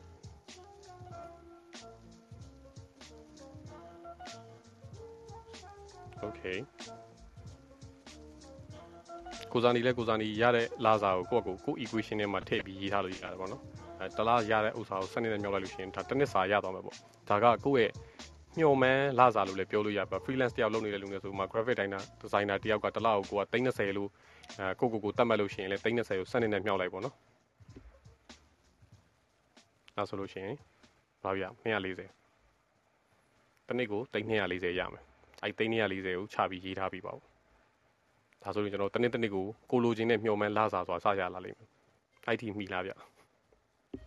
တကယ်တော့အောက်ကလူတွေလို့ရှိရင်လည်း hands up plan လုပ်လိုက်ပါတော့ပြီးတော့ကျွန်တော်တို့ထည့်ပေါင်းမယ်ကိစ္စတွေမှာကျွန်တော်ခုနပြောလို့ပဲအိမ်မှာနေတယ်ဆိုပြီးတော့မပေါင်းပြတဲ့မမြင်ရတဲ့ cost လေးတွေရှိတယ်ပေါ့နော်အဲ့ဒါတွေကဘာတွေလဲဆိုတော့ internet bill တို့ meter တို့ပြီးသွားလို့ရှိရင်ကျွန်တော်တို့ client နဲ့ဖုန်းတွေပြောပြီးတော့စကားတွေဆက်စကားတွေပြောရတော့မယ်ဖုန်းတွေဆက်ပြီးပြောရတော့မယ်ဆိုလို့ရှိရင်ကြမဲ့ဖုန်း bill တွေလည်းရှိတယ်ပေါ့နော်အဲ့ဒါတွေကိုလည်းထည့်ပေါင်းဖို့လိုတယ်ပေါ့ဒါကကြတော့ကျွန်တော်တို့ ဒီ software နဲ့ပတ်သက်တဲ့ဟာတွေမတိုင်ငယ်လာတဲ့ဟာပေါ့နော်ဟာ internet bill ကထားပါတော့ကျွန်တော် average ပဲချတော့လိုက်မယ်ဆိုလို့ရှိရင်တသိန်းခွဲပေါ့တလောက်တသိန်းခွဲဆိုလို့ရှိရင် fiber ကောင်းကောင်းရပြီထင်တယ်ဟုတ်လားကိုစားနေယူတာဘယ်လောက်ပြီอ่ะ3000လား5000လား3000ခွဲ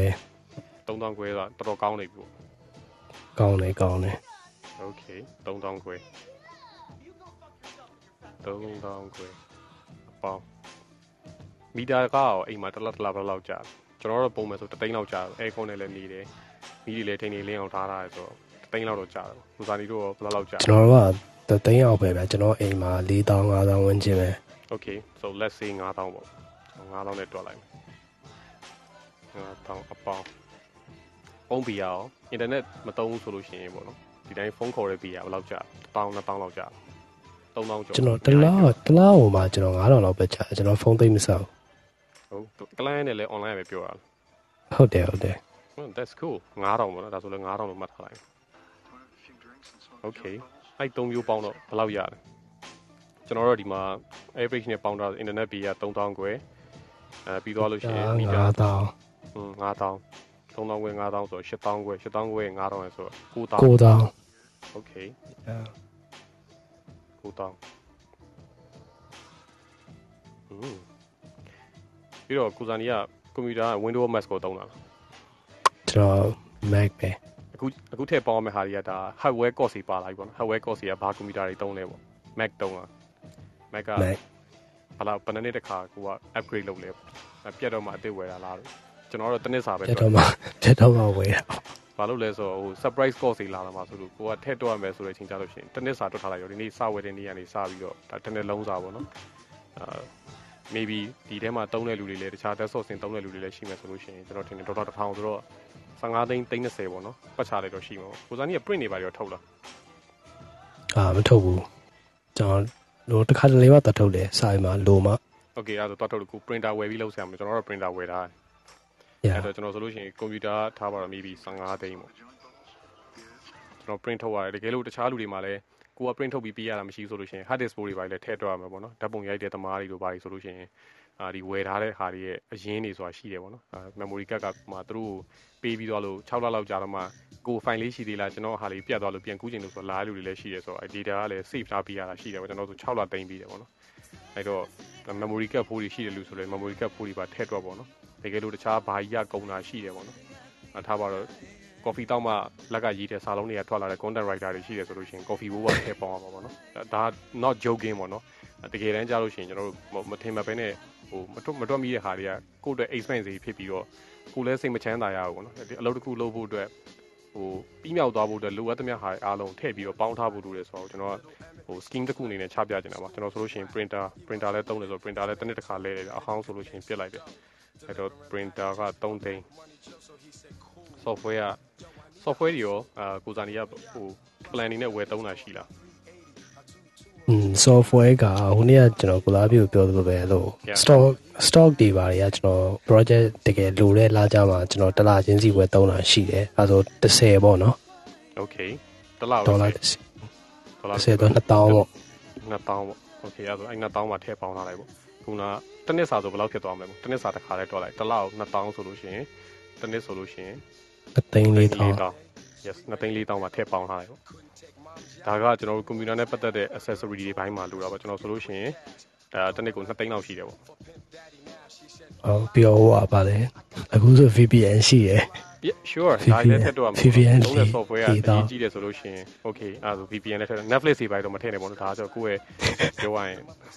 resource ယူတဲ့ဟာမျိုးဖြစ်နေတော့မပြောတတ်ဘူးပေါ့နော်အဲကိုကရိုက်ကူးရေးမှာ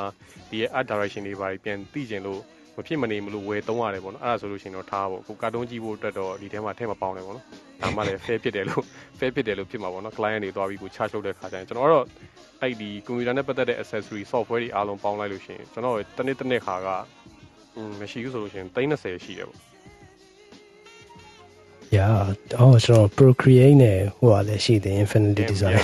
edit edit bro just edit အဲနှစ်သိန်းလောက်ရှိမယ်အဲနှစ်ခုပေါင်း okay နှစ်သိန်းလောက်ရှိတယ်อืมတသိန်းပဲထားလိုက်ပါတသိန်းခွဲသိန်းခွဲဟိုကောင် Infinity ကကိုက90ကျော်နေ90ကျော်နေပြီဆိုရတသိန်းခွဲပဲထားပါ okay တသိန်းခွဲနဲ့ကိုက2000နဲ့ဆိုရင်တသိန်း9000ပေါ့ software ထဲမှာပေါင်းလိုက် yeah ပြီးတော့ကျွန်တော်တို့မှာကိုဇာနီကအဲ့လိုတွားပြီးတော့ပစ္စည်းတွေပိုင်းတွားပြီးအခါမှာကောအဲ print ထုတ်ပြီးတော့စာအုပ်တွေထုတ်ပြီးတော့ brand guideline တွေဆိုရင်ပေးရတာမျိုးရှိလားအဲအဲ့လိုမျိုးရှိတယ်ဆိုလို့ရှိရင်အဲ့ print ထုတ်တဲ့ဟာတွေကကြတော့ဒီကျွန်တော်ပေးရတဲ့ hardware ပိုင်းပေးရတယ်သူများကိုပေးရတဲ့ hardware ပိုင်းပေးရတယ်ပေါ့အဲဒီ camera သမားတွေချိုးတွေဆိုလို့ရှိရင် CD ခုတ်ပြီးတော့ပေးလိုက်တယ်လို့ airban လေးလုပ်ပြီးပေးတယ်လို့ packaging လာလာလေးနဲ့ပေးတယ်လို့ဒါမျိုးတွေရှိခဲ့လို့ရှိရင်လည်းအဲ့ဒါတွေကို business expense ဆိုတဲ့ခေါင်းစဉ်အောက်မှာထည့်ပြီးတော့ပေါင်းလို့ရတယ်ပေါ့နော်အဲကျွန်တော်ဆိုလို့ရှိရင် taxi နဲ့သွားတယ်ပေါ့အဲဆို taxi ကပေါ့နော်တကယ်လို့တွေ့ကျင်တဲ့သူကဟို Thomson တော်မှာမှ coffee တောင်းရင်းနဲ့မှစကားပြောကျင်တယ်ဆိုလို့ရှိရင်အဲ coffee ဘိုးတွေလည်းကျွန်တော် voucher တွေကျွန်တော်တင်ထားပြီးထည့်ပေါင်းတယ်တချို့ကြလည်း တင်တာမှာဆိုင်းထဲမှာစကားပြောမယ်ပေါ့နော်အဲအဲ့လိုကြလို့ရှိရင်လည်းသူ့ဘက်ကကြီးပဲကျွေးရပဲကိုစားလို့လည်းမဖြစ်ဘူးဆိုတော့ကိုလည်းပြန်ကျွေးလို့ရှိရင်အဲကောင်တွေကစကျွန်တော်ထည့်ပြီးတော့ပေါင်းတယ်ပေါ့နော် average ပြန်ချလိုက်လို့ရှိရင်တစ်လတစ်သိန်းပဲတစ်သိန်းပဲထားပါတော့အမြဲတမ်းလိုလို occasionally သွားတာတော့မဟုတ်ပြင်မဲ့အဲ့ဒါတွေပေါင်းလိုက်လို့ရှိရင်ကျွန်တော်တစ်လကိုတစ်သိန်းဆိုလို့ရှိရင်တစ်နှစ်စာလို့ကျွန်တော်12သိန်းရှိတယ်ပေါ့နော်ခုနကကျွန်တော်တွက်ဟိုရှိမှပြောခဲ့တဲ့မြတ်ဟာတွေအားလုံးကိုပြန်ပေါင်းကြည့်ပေါ့ကိုစားနေလဲပေါင်းကြည့်ပေါ့ခုနကကျွန်တော်ရှိမှပြောခဲ့တဲ့ဟာဆိုလို့ရှိရင်ကိုယ့်ရဲ့ညှော်မန်းလာစာအပေါင်း ပြီးသွားလို့ရှိရင်ကိုသုံးတဲ့ bill တွေပေါ့နော်အာဆောင်လိုက်ရတဲ့ဖုန်း bill တွေ internet bill တွေ electricity bill တွေအဲ့ဒါတွေကပေါင်းထားတဲ့ဟာရဲ့ပေါင်းခြင်းပေါ့နော်အဲ့ဒါတခုပြီးသွားလို့ရှိရင်ကွန်ပျူတာပေါ့ကွန်ပျူတာနဲ့ဆက်ဆက်ပစ္စည်းများကိုသုံးတဲ့အခါမှာကို create လုပ်တဲ့အခါမှာလိုသမျှ hardware ပစ္စည်း software ပစ္စည်းအကုန်လုံးပေါ့နော်အဲ့ဒါဒီအကုန်လုံးပဲပေါင်းခြင်းအဲ့ဒါကိုလည်းထည့်ပေါင်းနောက်ဆုံးတစ်ခုထပ်ပေါင်းအောင်ပါတော့ business expense ပေါ့နော်ကျွန်တော်ခုနပြောတဲ့ taxi နဲ့သွားတဲ့ဟာမျိုးတွေရှိမယ် တချို့ကြီးဆိုလို့ရှိရင်နယ်မျိုးတွေထိခရီးသွားပြီးတော့မန္တလေးထိသွားပြီးတော့ကျွန်တော် flight နဲ့သွားပြီးတော့သူတို့သွားပြီး present သွားလောက်ရတာမျိုးရှိအဲကြရင်လို့ရှိရင် hotel fees တွေအစားပေါ့နော်ဒါတွေကစားထည့်ပေါင်းပေါ့အခုစားဒါ average ကိုပြန်ရှာမှာဖြစ်တဲ့အတွက်တနစ်စာလေးထည့်ပေါင်းတနစ်ကိုကျွန်တော်ဆိုလို့ရှိရင်အဲကြောင့် average ချတယ်တစ်လောက်တစ်သိန်းနဲ့ဆိုလို့ရှိရင်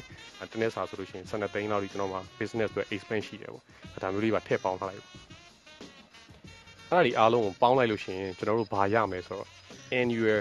overhead cost လို့ရပါတယ်အခုချိန်မှာ ဒီထဲမှာအခုကျွန်တော်ပြောပြနေရတော့ကိုစာနီရဲ့အတွက်ဥတီပြီးတော့ကျွန်တော်ပြောပြနေတော့ freelance သမားတွေအတွက်ဖြစ်နေမှာပေါ့နော်တကယ်လို့ကိုက small business လုပ်တဲ့လူတွေဆိုလို့ရှိရင်ဘာတွေပါထည့်တွက်ရမလဲဆိုတော့ကျွန်တော်ရုံးခန်းငါးကားတွေပါမယ်ကိုကအောက်မှာဝန်ထမ်း9ယောက်6ယောက်10ယောက်ရှိတယ်ဆိုလို့ရှိရင်သူတို့ပေးထားတဲ့လစာတွေပါမယ်ဒါဆိုလို့ရှိရင်ကျွန်တော်တို့ကလုပ်ငန်းတစ်ခုကိုလုပ်တဲ့အခါမှာအဲခုန banning rate ဆိုတဲ့ဟာကိုတွက်လို့ရလာမယ်ပေါ့နော် banning rate ကဘယ်လိုမျိုးတွက်ရလဲဆိုတော့ခုနအဲ annual overhead score ပေါ့နော်ကျွန်တော်ခုနပြောခဲ့တဲ့ခုနပေါင်းခိုင်းထားတဲ့ဟာတွေအကုန်လုံးပေါ့နော်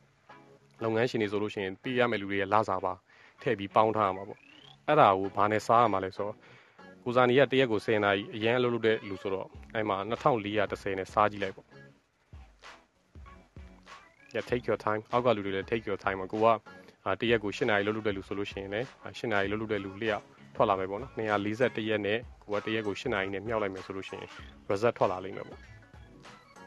အဲကျွန်တော်တိကျွန်တော်တွက်ထားတာဆိုလို့ရှိရင်8နာရီလုပ်လုပ်တဲ့လူဆိုလို့ရှိရင် 1928နာရီရှိတယ်တရက်ကို6နာရီပဲလုပ်လို့တယ်လို့ဆိုလို့ရှိရင်1446နာရီပဲရှိတယ်အဲ့လိုပဲချို့တွေကပတ်တိုင်းတွေပဲလုပ်လို့ကြတယ်ဆိုလို့ရှိရင်လည်း4နာရီတို့5နာရီတို့စသည်ဖြစ်ပေါ့နော်အဲ့ဒါတွေကိုကိုယ်ကိုတွက်ကြည့်လိုက်ပါအဲ့ hours နဲ့ဘာကိုစားရမှာလဲဆိုတော့ခုနကပြောထားတဲ့ annual overhead ကိုစားကြည့်လိုက်ပါအဲ့ဒါဆိုလို့ရှိရင် banning rate ဆိုတဲ့အဖြေကိုရလာပါလိမ့်မယ်ကိုစာနီရဲ့ banning rate ကိုရပြီလားခဏလေး bro တွန်းနေ take your time calculator တွေယူတော့တော့ကျွန်မဒီငငယ်တုန်းကလို့တစ်ကိုတစ်ထဲမှာမှလက်သုံးချောင်းထောင်းနေတော့အဲ့ဒီသွားလုံနေအဲ့တော့အဆင်ပြေမှာမဟုတ်။ Yeah iPhone တို့သုံးနေတဲ့ Android ဖုန်းတွေမှာလည်းပါမယ်ပေါ့နော်။အဲ့တော့စမ်းကြည့်လိုက်ပါ။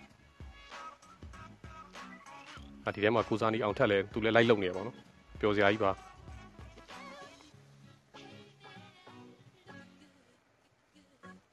ခုနကျွန်တော်တွက်ထားတဲ့ course ကြီးအကုန်လုံးက7နှစ်နဲ့မြောက်သွားမှာเนาะတစ်နှစ်စာလေးဆိုတော့ ပြအဲ့ဒါတလားစာဖြစ်လို့ရှိရင်တစ်နှစ်စာဖြစ်တော့7နှစ်နဲ့မြောက်လိုက်ပေါ့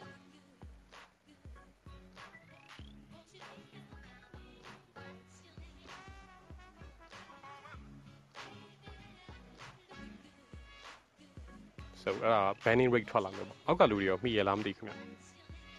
မထက်ရီတို့လည်း server ဒီမှာရက်လိုက်ရည်နေပြီလားမသိကိုဝနာတို့ရောပဲလိုက်ရည်တဲ့လူတွေပြီးရင်အဖြေပြန်မေးပါနော်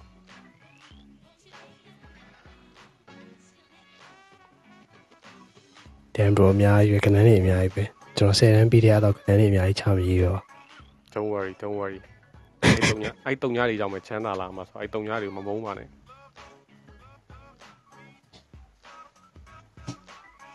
တုံညာတွေကအဆုံးဖြတ်ပြီးပါမှာပေါ့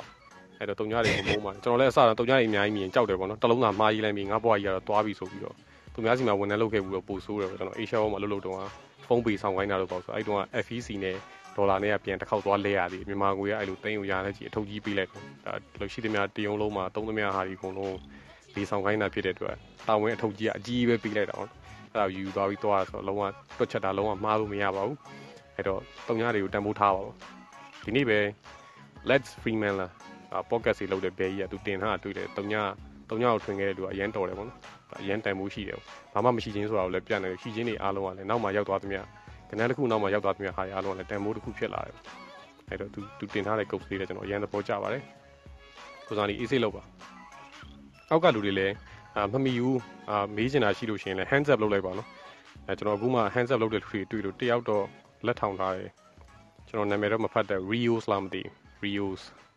အတကယ်လို့မေးချင်တာရှိလို့ရှိရင် hands up ပြန်လုပ်လိုက်ပါကျွန်တော်အပေါ်ပြန်တင်ပြပါမယ်ဂျားထဲမှာလိုက်လို့မမီလို့မေးချင်တာရှိလို့ရှိရင်လည်း hands up ပြန်လုပ်လိုက်ပါကျွန်တော်အပေါ်မှာ ပြောပြပေးပါမယ်ခင်ဗျဟုတ်မင်္ဂလာပါကဲဟိုဟာလေဟိုပထမဦးဆုံးကြောကြောကြ education နဲ့လောက်ကမယ်ဆိုတော့လေအပထမက8နာရီဆိုရင်24 240နဲ့မြောက်လိုက်တယ်။ဒါဆိုရှင် wifi ဘူးတွေပြီးတော့အဲမီးဘူးရယ်ပြီးတော့ဒီဖုန်းပေဘူးတွေရယ်ပြီးတော့ဖုန်းဆိုလည်းဒီဖုန်း device ကပေါ့နော်။အဲ့ဒါတွေပေါက်ပြီးမှတော့အဲ့ဒါတွေဖုန်းကတော့တစ်နှစ်ဆောင်လို့ပေါ့နော်။ကျန်တာတွေကတော့ 7နှစ်နဲ့မြောက်လိုက်။နောက်ပေါ်လို့ရှိရင်ရတဲ့ဟာပေါ့နော်။ရတဲ့ဟာကခုနကဖုန်းဖုန်းဆိုလည်းဖုန်းအမောင်းနဲ့ပေါ့နော်ကျွန်တော်ဖုန်းဆိုဖုန်းနဲ့ပဲတွက်လိုက်မှာပေါ့အဲ့တော့အဲ့ဒါနဲ့ပေါင်းလိုက်ပြီးရင်အဲ့ဒါကိုခုနကတော့ကျွန်တော်ခုပုံမှာတနေ့လောက်ထားတဲ့၈နာရီကို၈နာရီကိုမြောက်ထားတဲ့ဟာနဲ့ကျွန်တော်ပြန်စားဟုတ်ကဲ့အဲ့ဒါနဲ့စားလိုက်ရမှာခင်ဗျ calculator နဲ့ပဲစားပါကျွန်တော်စားပုံမှာမစားပါနဲ့ကျွန်တော်အရင်နေကောင်းနေစားကုန်မှာဆိုလို့ပါတော့ကျွန်တော်တညာလုံးမပြီးသေးဘူး၃ခေါက်လောက်ပြန်စစ်နေရတယ်ဖြစ်နေပါလိမ့်မယ်အေးစစ်စစ်လုပ်ပါ ၈နာရီလောက်လို့လေလို့ဆိုလို့ရှိရင်1928နာရီရှိလိမ့်မယ်တစ်နေ့ကို241နဲ့မြောက်ထားတဲ့အဖြစ်ကကျွန်တော်ကြိုပြီးတော့ထားတာတော့ရှိရပါတော့၈နာရီလောက်လို့လေလို့များတယ်ဆိုတော့1928နာရီရှိလိမ့်မယ်ဒီလေးအဲ့တော့1928နာရီနဲ့စားလိုက်ပါဒီလေးကရထားတဲ့အဖြစ်ကို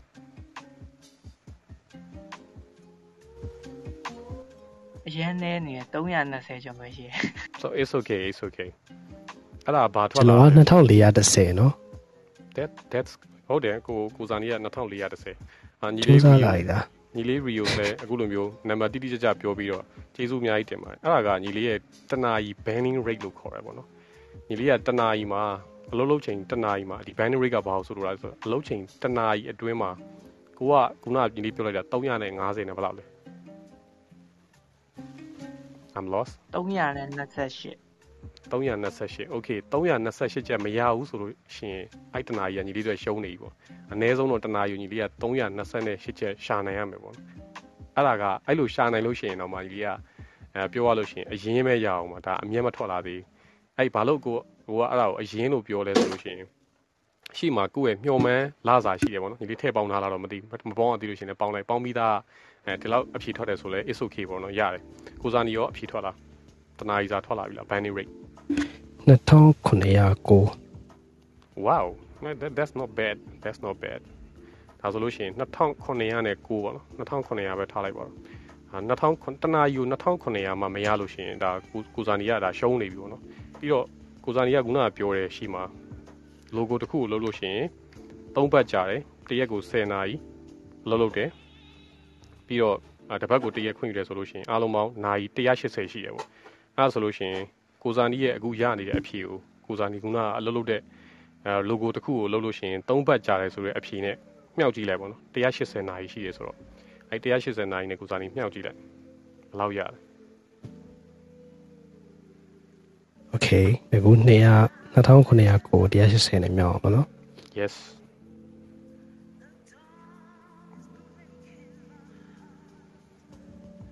နောက်ကလူတွေလည်းမြောက်ကြည့်ပေါ့နော် wait 3ဘက်ကရမ်းများလေ3ဘက်3ဘက်မို့ကျွန်တော်2ဘက်နဲ့ပဲမြောက်လိုက် no no no you need you need you need this bro trust me okay နှစ်ပတ်နဲ့လည်းမြောက်ကြည့်သုံးပတ်နဲ့လည်းမြောက်ကြည့်လိုက်ပါဒါဆိုလို့ရှိရင်အဖြေတစ်ခုထွက်လာမှာပေါ့နော် so အဲ့ဒါ banning rate ပေါ့နော် banning rate တစ်ခုထွက်လာပါလိမ့်မယ်ညီလေးရောဘယ်လောက်ရသွားပြီလဲကိုကအလုပ်တစ်ခုကိုစာတင်မဲ့လူတယောက်လက်ခံလိုက်ပြီဆိုလို့ရှိရင် အာထားပါတော့ tuition တင်တဲ့လူဆိုလို့ရှိရင်တစ်လပေါ့နော်တစ်လသွားတင်မယ်တစ်ပတ်ကိုတစ်ရက်နားတယ်ဆိုလို့ရှိရင်အဲတစ်ပတ်ကိုကိုကဗဒနာကြီးစာတင်ပါတယ်ပေါ့စာတင်မဲ့နာရီနဲ့ကိုကစားချလိုက်လို့ရှိရင်ဒါတစ်လတစ်လဆိုလို့ရှိရင်ဘယ်လောက်ထွက်လာမလဲဆိုရအဖြေရလာမှာပေါ့ဟိုလူအရေးအတွက်ကြတော့ကျောင်းရသားအဲ့ဒါလည်းထည့်ပေါင်းလို့ရတယ်အဲ့ဒါလည်းထည့်ပေါင်းလို့ရတယ်ပေါ့နော်ဒီကတစ်လောက်ចောင်းသားဘယ်နှစ်ယောက်တင်နိုင်လဲပေါ့ maybe 6ယောက်လား10ယောက်လားဒါမှမဟုတ် class like online ကတင်တယ်ဆိုလို့ရှိရင်အာ times တစ်ခုကိုလူယောက်20လား30လား Wait, ခုနကတိတိတိကျကျမရှိရင်လည်း average ပေါ့ yeah sorry ကိုလာပြီပြောတာကျွန်တော် rate က why တော့ you ask me your rate ဟုတ်မဟုတ် rate တော့ဘာအချိန်ကိုပြော working hour ပြောတာ sorry working hour okay 3 weeks ဆိုတော့ဟော6 6 3 weeks နဲ့နော်6ရက်လောက်လုပ်တယ်ပြီးသွားလို့ရှိရင်တစ်ရက်ကို10နာရီဆိုနိုင်ပေါင်း180ရှိတယ် yeah 3 18ဆို Okay. တော့180နဲ့180နဲ့ခုန2000နဲ့900ကျော်2900နဲ့တစ်ကြက်လားဟုတ်လားကြက်လားစားရမှာနော်မဟုတ်ပြောက်ရမှာ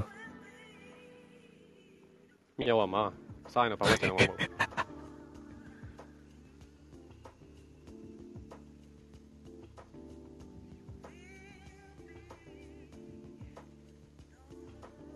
ကယ်လို့ဟိုလို video create လုပ်ပေးတယ်ဆိုလို့ရှိရင်လည်းရုပ်ရှင်တစ်ခါကို Okay, လောက်ရတယ်တယ်လို့ပါလို့ရှိလို့ရှိရင်ကိုကိုတွက်ကြည့်လို့ရရပါတော့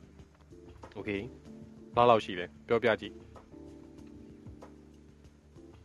၄သိန်း8620 so ကိုဇာနီကအခု logo တစ်ခုကို charge လုပ်လို့ရှိရင်အဲ့တက်များတာတော့သိကြတယ်ပေါ့တော့ of course yeah sure I'm to hear that ပေါ့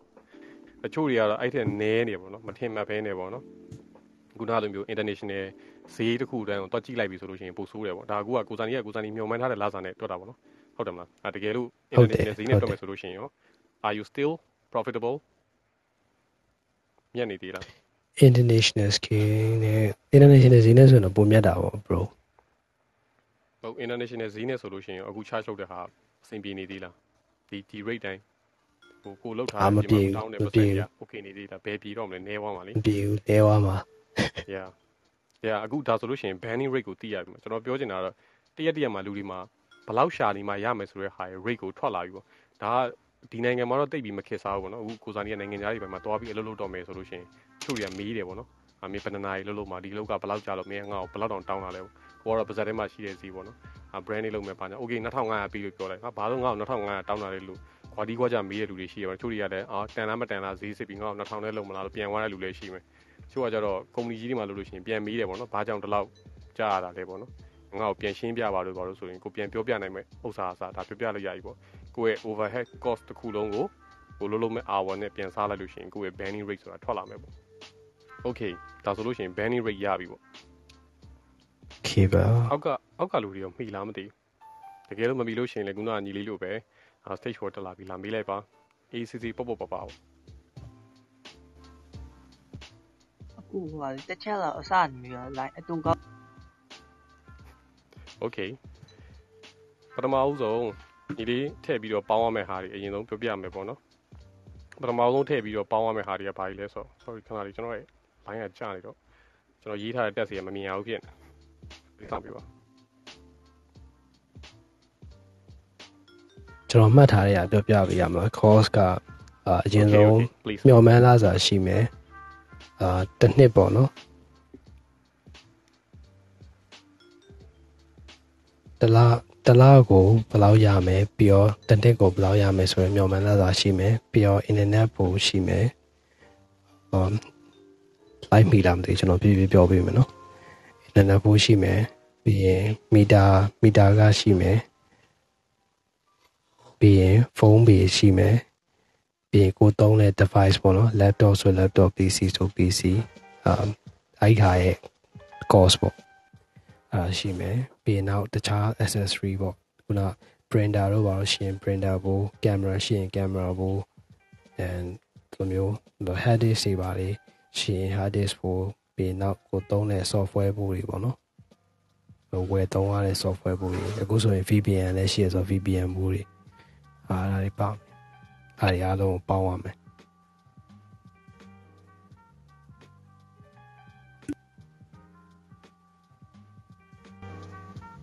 Okay ဒီ banning rate ကအဓိကလူတိုင်းသိတဲ့အရာပေါ့နော်ရှင်းပြပေးသွားတဲ့ကိုစာနေလည်းကျေးဇူးအများကြီးတင်ပါတယ်ကျွန်တော်တို့ banning rate ကိုသိရပြီဆိုလို့ရှိရင်ကိုကဘယ်လောက်ထိ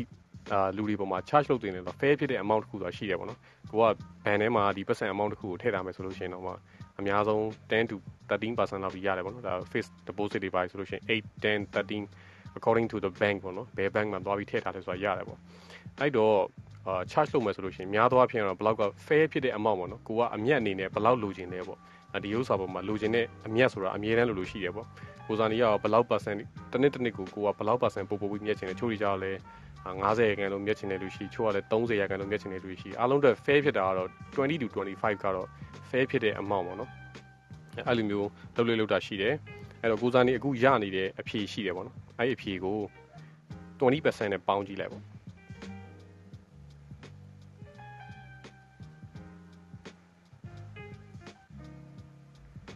so 20%နဲ့ပေါင်းတော့ကျွန်တော်တို့ကဘာပြန်ရှုံးနေသေးလဲဆိုတော့အခွန်ဆောင်အခွန်ဆောင်ရမယ်ဆိုလို့ရှိရင်ပေါ့နော်ဒီထဲမှာမဆောင်တဲ့လူတွေတော့အများကြီးဖြစ်မယ်လို့ထင်ပါတယ်ဆောင်ရမယ်ဆိုလို့ရှိရင်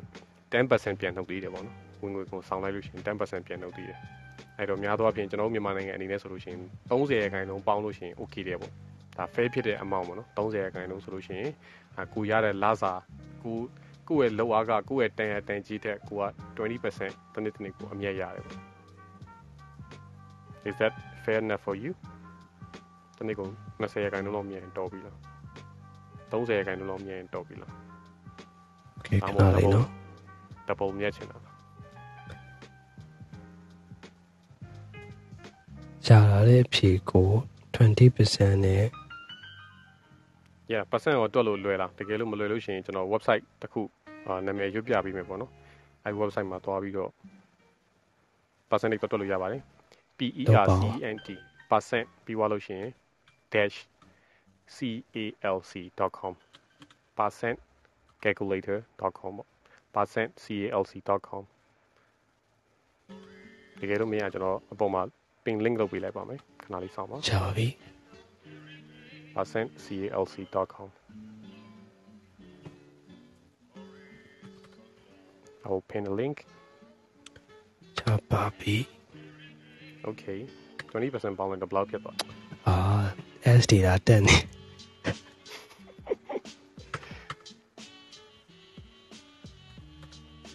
အဲ့ site ကိုကျွန်တော်သဘောကျပြီး share ဖြစ်တဲ့အကြောင်းလည်းပြောပြမယ်အဲ့ site ကဘာတွေပါပါလဲဆိုတော့သူကကျွန်တော်ကရှာလိုက်လို့ထားပါတော့20%လောက်သာရှာလိုက်ပြီမယ်သူကအဖြေထွက်လို့ရှိရင်အောက်မှာလေတခါလေးတန်းပြီးတော့1% to 100%လာမယ်အကုန်လုံးတန်းစီပြီးတော့ပြထားပြီးရမတိတ်တော့တိတ်ပြီးခေါင်းစားမခံရတော့ဘူးဟုတ်တယ်ဟုတ်တယ်အဲ့ဒါကိုအရင်သဘောကျတယ်ကျွန်တော်များတာတော့တီးခံလိုက်ပေါ့နော်ဒါ free ရတဲ့ website ဆိုတော့လည်းတီးခံလိုက်ပေါ့ ရတော့အဲ့လိုမျိုးထွက်လာတယ်ကျေးဇူးပါကိုစားနေရော30ရာခိုင်နှုန်းပေါင်းလိုက်တော့ကိုပျော်ရွှင်ရတဲ့ amount တစ်ခုရလာလားအခု20%ကို30ရာခိုင်နှုန်းထပ်ပေါင်းအောင်ပါ20%ရလာတဲ့အဖြေကို20% or 30%ပေါ့ကိုက20%သာတစ်နှစ်တစ်နှစ်ကိုမြက်ချင်တယ်လို့အခု20%ပဲထပ်တိုးပြီးတောင်းတယ်ဆိုလို့ရှိရင်တော့မှအချိန်တန်ဝင်ဝင်ဝင်ပြီးသွားလို့အခွန်ပြန်ဆောင်မယ်ဆို10%ပြန်နှုတ်မှာ so you only got 10% profit ပေါ့ အဲ့တော့ကိုက20%မြက်ချင်တယ်ဆိုလို့ရှိရင်ကျွန်တော်တို့က test ပါထည့်ပေါင်းအောင်ဆိုလို့ရှိရင်30ပေါ့ချို့တွေကလည်းအဲ့ test ကို customer စီကနေယူတယ်ချို့တွေကြတော့လည်းကိုကိုယ်တိုင်ပဲကိုကကိုဝင်ကိုဆောင်မယ်လို့ဆောင်တယ်အာဒါတော့ကိုယ့်ရဲ့ money ကို management လုပ်တဲ့ philosophy ပေါ်မှာပဲမူတည်မယ်ပေါ့နော်ဘယ်လိုမျိုး charge လုပ်ကြလဲတော့တယောက်နဲ့တယောက်နဲ့တော့တူမယ်တော့မထင်ဘူးဆိုင်နေမှာတော့ကျွန်တော်တို့စားတိုင်းကျွန်တော်တို့ပဲပေးရစားလဲစားရတယ်ကိုယ်လည်းပေးရတယ်ပေါ့နော်ဘာလဲတော့ကျွန်တော်လည်းအခုနားမလဲဘူးအဲ့ဒီပိုင်းပေါ့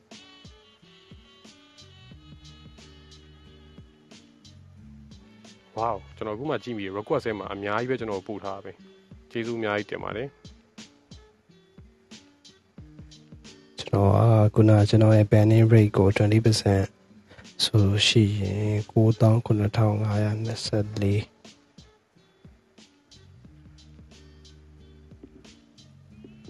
99524ဒါကိုချိန်နဲ့ပြန်မြောက်180နဲ့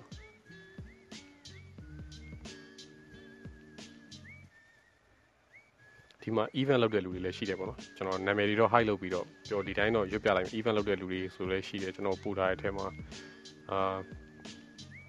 average ကို USD နဲ့ပို့ပေးထားတဲ့အကိုတွေလည်းရှိတယ်ညီတွေလည်းရှိတယ် Clubhouse ကိုဘယ်လိုအကျိုးရှိလဲဆိုတော့အခုလိုအကျိုးရှိတဲ့စကားဝိုင်းတွေအများကြီးပဲလာမှာပေါ့နော်အာ language ကိုသင်ကျင်တဲ့လူတွေအနေနဲ့လည်း language club တွေရှိတယ်နိုင်ငံရေးပြောချင်တဲ့လူတွေအတွက်လည်းနိုင်ငံရေး club တွေရှိတယ် အာ date လုပ်ချင်တဲ့လူတွေအတွက်လည်း date လုပ်တဲ့ club တွေရှိတယ်ပေါ့နော်အာလူတွေ club ပေါင်းစုံအများကြီးရှိပါတယ်ကိုလုပ်ချင်တဲ့မူတည်တဲ့ပုံမှာပဲကိုကြိုက်တယ်လို့လုပ်ပါကိုကကိုအတင်းတုတ်ချင်တဲ့ club တွေပါဖွင့်ချင်တယ်ဖွင့်လို့ရတယ်ပေါ့နော် club ထောင်ပြီးဟောက်ချင်တယ်ဆိုလို့ရှိရင်လည်း club house ပြီးတော့ပေးပြီးတော့ဟောက်လို့ရတယ်ပေါ့နော်အကုန်လုံးကိုလုပ်ချင်တာတော့ club house ကကြိုက်တာလုပ်လို့ရပါတယ်ကျွန်တော်တို့ကဓာတ်တစ်ချောင်းရတယ်လို့ပါပဲ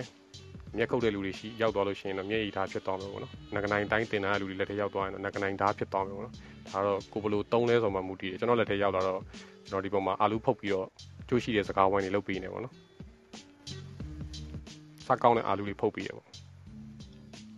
ကိုတာမမီတော့လို့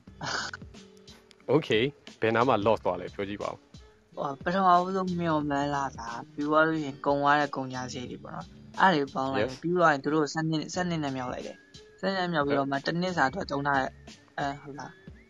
Okay အမော7နှစ်နဲ့မမြောက်ပါဘူး right တူအဲ့မှာမှားပါတယ် calculate လုပ်တဲ့နေရာမှာ yeah တချို့ဟာတွေကတနစ်ဟိုကွန်ပျူတာတို့ဖုန်းတို့သုံးတဲ့လူတွေဆိုလို့ရှိရင်ဒါတွေကတနစ်စာလို့တွက်လို့ရတယ်ကွန်ပျူတာတစ်လုံးကိုကျွန်တော်လာတိုင်းဝင်နေကြမလို့ဆိုတော့တနစ်မှတစ်ခါတွက်လို့ရတယ်ပေါ့အဲ့ဒါတွေအားလုံးထည့်ပေါင်းလိုက်ပေါ့ဟိုဒီလိုလိုမြန်မျော်မှန်းလားစာတလားစာပေါ့နော်တလားကိုမျော်မှန်းလားစာဆိုတဲ့ဟာတစ်ခုရယ်ပြီးတော့ဒီတိုင်းတလားတလားပေးရတဲ့အဲ့ wifi ဘိုးတွေမီးဘိုးတွေဖုန်းပေးဘူးပဲပေါ့နော်အဲ့ဒါတွေရယ်အဲ့သူတို့ဟာလေးကိုသူတို့ဒါပေါင်းလိုက်တယ်ပေါင်းပြီးရတဲ့အဖြစ်ကိုစနစ်နဲ့မြောက်လိုက်တယ် ဟုတ်တယ်ပြီးတော့မှဖုန်း device drop ကို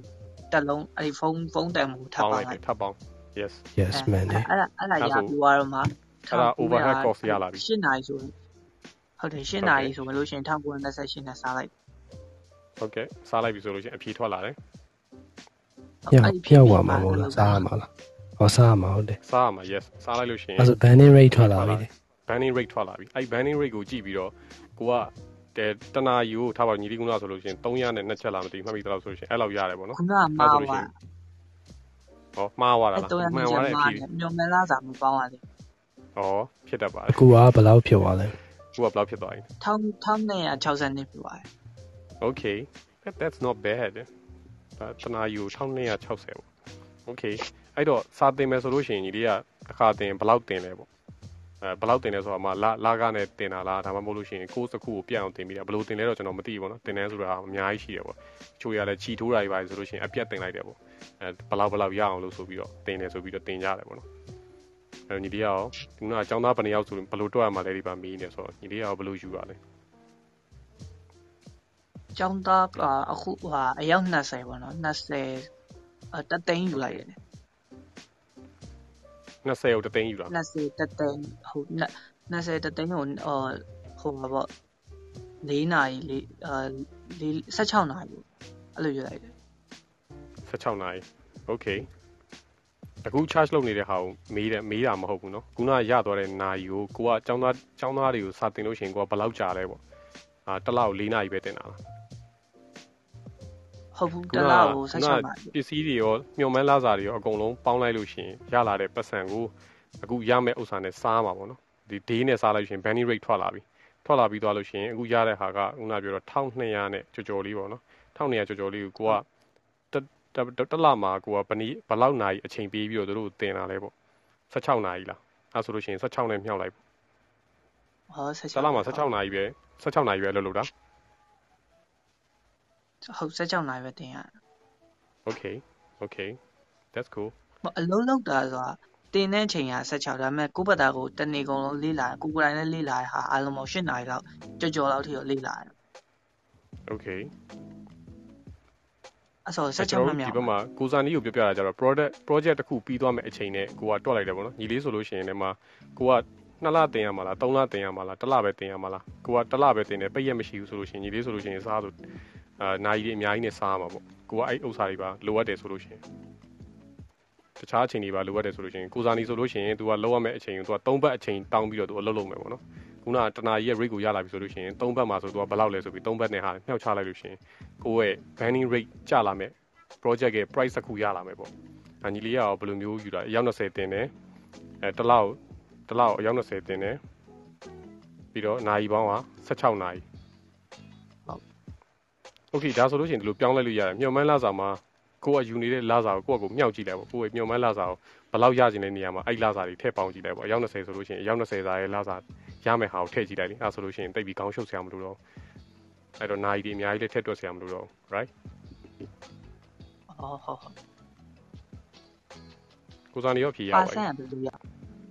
အဲ percentage ကကြတော့ကျွန်တော်တို့အခွန်ပြန်ဆောင်ရတာတွေပါရှိတယ်ပေါ့နော်ပြီးတော့လူဆိုတာလဲကိုကိုကိုတက်လန်းတစ်ခုအနေနဲ့ပေါ့နော်တစ်နှစ်မှာကိုက ဘလောက်ဘလောက်ဘလောက် percent အနေနဲ့ကိုကတိုးတက်လာခြင်းလဲပေါ့အဲအဲ့လိုမျိုးပုံမှာမူတည်ပြီးတော့ပေါင်းကြတာပေါ့ကိုစာနီကတော့အဲ20နဲ့တွက်နေလား30နဲ့တွက်နေလားမသိဘူးကိုစာနီလည်းအဖြေတစ်ခုရလာမယ်လို့ထင်ပါတယ်ဟုတ်ကျွန်တော်20နဲ့တွက်လိုက်တာရပါတယ်အဖြစ် okay အဲ့လောက်အဲ့လောက်ထက်ကိုပို့ပြီး charge လုပ်ဖြစ်နေရလား bro အဖြစ်ရအများကြီးပဲရဘယ်လိုကြီးအများကြီးရကျွန်တော်ပြောပြကြည့်ပါဦးအမဟုတ်ဘူးလေခုနက အဖြစ်ရတာကအဲ့ဒါကတွက်ပြီးပါပြီပြီးတော့180နဲ့ထပ်မြောက်လိုက်တာလေအဲ့ဒါ okay percentage နဲ့ထွက်ထားတဲ့ဟာကို180နဲ့မြောက်ပြီးသားပေါင်းရမှာပေါင်းရမှာပေါင်းရုံပဲမြောက်စရာမလိုတော့ချစ်စီထပ်တာမြောက်လိုက်လို့ပါပြီးသွားပြီမတ client ကယ်လည်းတော့ကိုတတက်န်ပြီးပါမယ်မလာတော့ဘူးလို့ပါကိုစားရရန်စိတ်ကြည့်ရမလာတော့ဘူးလို့ပါဖြစ်တော့ အောက်ကတခြားလူတွေရောမိသားပြတကယ်လို့ခုနညီလေးလိုပဲမေးချင်တာရှိလို့ရှိရင် hands up လုပ်ပြီးတက်ခလိုက်ပါတော့အထူးတော့ပါဘူးကျွန်တော်တို့ရှင်းပြနေနေဆိုတော့လူတွေအများကြီးပြောနေရမယ်တူတူအပေါ်တက်လာလိုက်လို့ရှိရင်ပိုကောင်းတယ်ပေါ့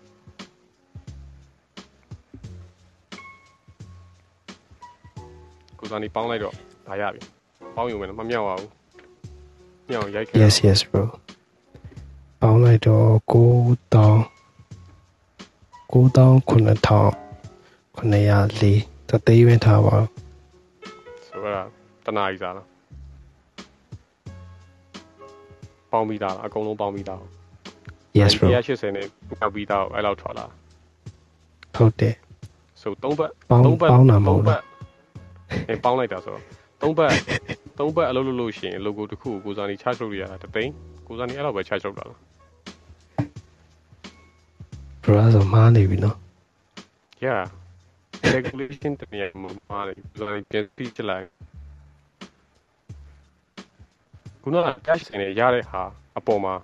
အဖြေကဘယ်လောက်ထွက်လာလဲကျွန်တော်20ရာခိုင်နှုန်းမပေါင်းခင်မှာ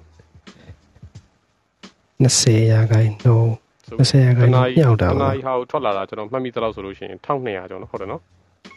banning rate ကျွန်တော်ပြန်ပြောလိုက်မယ်ဗျာ banning rate က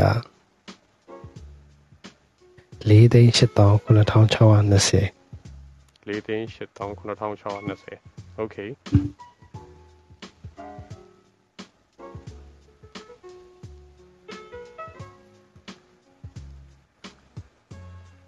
ဒီမနေ့ကထောင်ကနန်းတောင်းကနန်းနဲ့ပဲထွက်မှာကုစားနီရဲ့မြုံမန်းလာစားဘယ်လောက်ရေးတာလဲရှေ့ရဟာတွေအကုန်လုံးဟိုဆက်ဖိုးတွေရောဗာတွေအကုန်လုံးပေါင်းလိုက်တယ်နော်ပေါင်းထားတဲ့ဟာကိုနိုင်နဲ့စားလိုက်လို့ရတဲ့အဖြစ် banning rate က4သိန်းကျော်နေရ အဲ့ကောင်က over အဲ့ဒါက cost rate over cost rate က2909 yes အဲ့ဒါကိုပဲမြည်တယ်2900ကို180နဲ့မြောက်လိုက်တော့4သိန်း8000နဲ့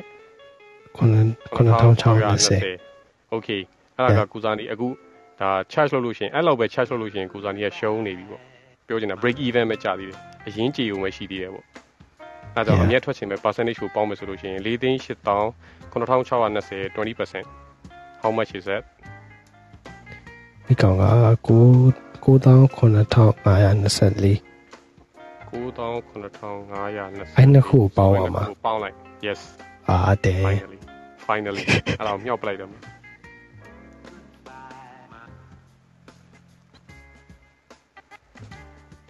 ဒီရှစ်ခွန်6 20အပေါင်း9ခွန်9သိန်း8တော လည်း8544အဲ9544ချက် okay ဒါဆိုလို့ရှိရင်ကိုစားနီ logo တစ်ခု6သိန်း charge လုပ်လို့ရှိရင်ကိုစားနီအတွက်တစ်နှစ်တစ်နှစ်ကို20%မြတ်ပြီပေါ့နော်ဒါ yeah တလမှာကိုစားနီကအာ project ဘယ်နှခုလက်ခံလဲတော့ကျွန်တော်မသိဘူးပေါ့နော်တကယ်တမ်းပြန်တွက်ကြည့်မယ်ဆိုလို့ရှိရင်တရက်တရက် banding rate ဈေးကိုရသွားပြီဆိုလို့ရှိရင်ကိုစားနီတလမှာရက်30လောက်လုပ်တယ်ဆိုလို့ရှိရင်ခုနကျွန်တော်3 week ဆိုတဲ့နေရာမှာကိုစားနီရဲ့ရက်30 ဥစ္စာနဲ့မြှောက်ပြီးတော့နိုင်နဲ့မြှောက်ကြည့်လိုက်လို့ရှိရင်ကိုစားနီတလတလကိုရှားမယ်ဈေးဆိုတာထွက်လာလိမ့်မယ်ပေါ့နော်အဲအဲ့ဒီအချိန်မှာကိုကတစ်နှစ်ဟိုတလကို project ဘယ်နှခုလက်ခံရမယ်လက်ခံလို့ရှိရင်ကိုတော့ကဘယ်လောက်နေလို့ရှိရင်ဘယ်လောက်အမြတ်ထွက်လာပြီဆိုတာအစအာဒါအတိအကျသိရလိမ့်မယ်အဓိကတော့ဒီနေ့ပြောချင်တာ banning rate ကိုတွက်တဲ့ NIO ကျွန်တော်ရှင်းပြတာပါကျွန်တော်ဆိုလို့ရှိရင်ကျွန်တော်ရဲ့ equation ရဆိုလို့ရှိရင်အဲကျွန်တော်ရဲ့ rate တွေကိုကျွန်တော်ထည့်တွက်မယ်ပေါ့နော်အဲဒီဒီဘက်နိုင်ငံမှာ brand strategic ဆိုတဲ့ title ကိုကျွန်တော်ယူထားပါတယ်အဲ brand strategic တယောက်အနေနဲ့ ယူရလာတာဒီလို Asia မှာကြီးကြီးလိုက်လို့ရှိရင်များသောအားဖြင့်ကတော့ဒေါ်လာ9000လို့ပါလို့တွက်ကြတယ်ပေါ့နော်ကျွန်တော်မြန်မာပြည်ဆိုတော့မြန်မာပြည်ဈေးနဲ့ပဲတွက်လို့ရှိရင်330ပဲထားပါတော့ကဲ330နဲ့အဲကျွန်တော်ကတစ်နှစ်ကိုသွားမယ်ဆိုလို့ရှိရင်အဲကျွန်တော်ပေါင်းထားတာရှိတယ်ပေါ့နော်အားလုံးမဟုတ်ကျွန်တော်တွက်လိုက်လို့ကျွန်တော်ရဲ့ banning rate ကတနာရီကိုမြောက်ပြီးစားပြီးအကုန်လုံးလုပ်ပြီးပေါ့ကျွန်တော်ဟာတွေပါအကုန်ထည့်ပြီးသား9200ကျက်ရှိတယ်ပေါ့နော်အဲ9200ကျက်မှမရလို့ရှိရင်ကျွန်တော်ကရှုံးနေပြီတနာရီကို maybe ခုဒီအခန်းထဲမှာကျွန်တော်တနာရီစကားပြောပြီးတော့ဒီကလူတွေနဲ့ AC chill လုပ်မယ်ဆိုလို့ရှိရင်လည်းအဲကျွန်တော်အဲ့လောက်မှမရလို့ရှိရင်ကျွန်တော်တို့က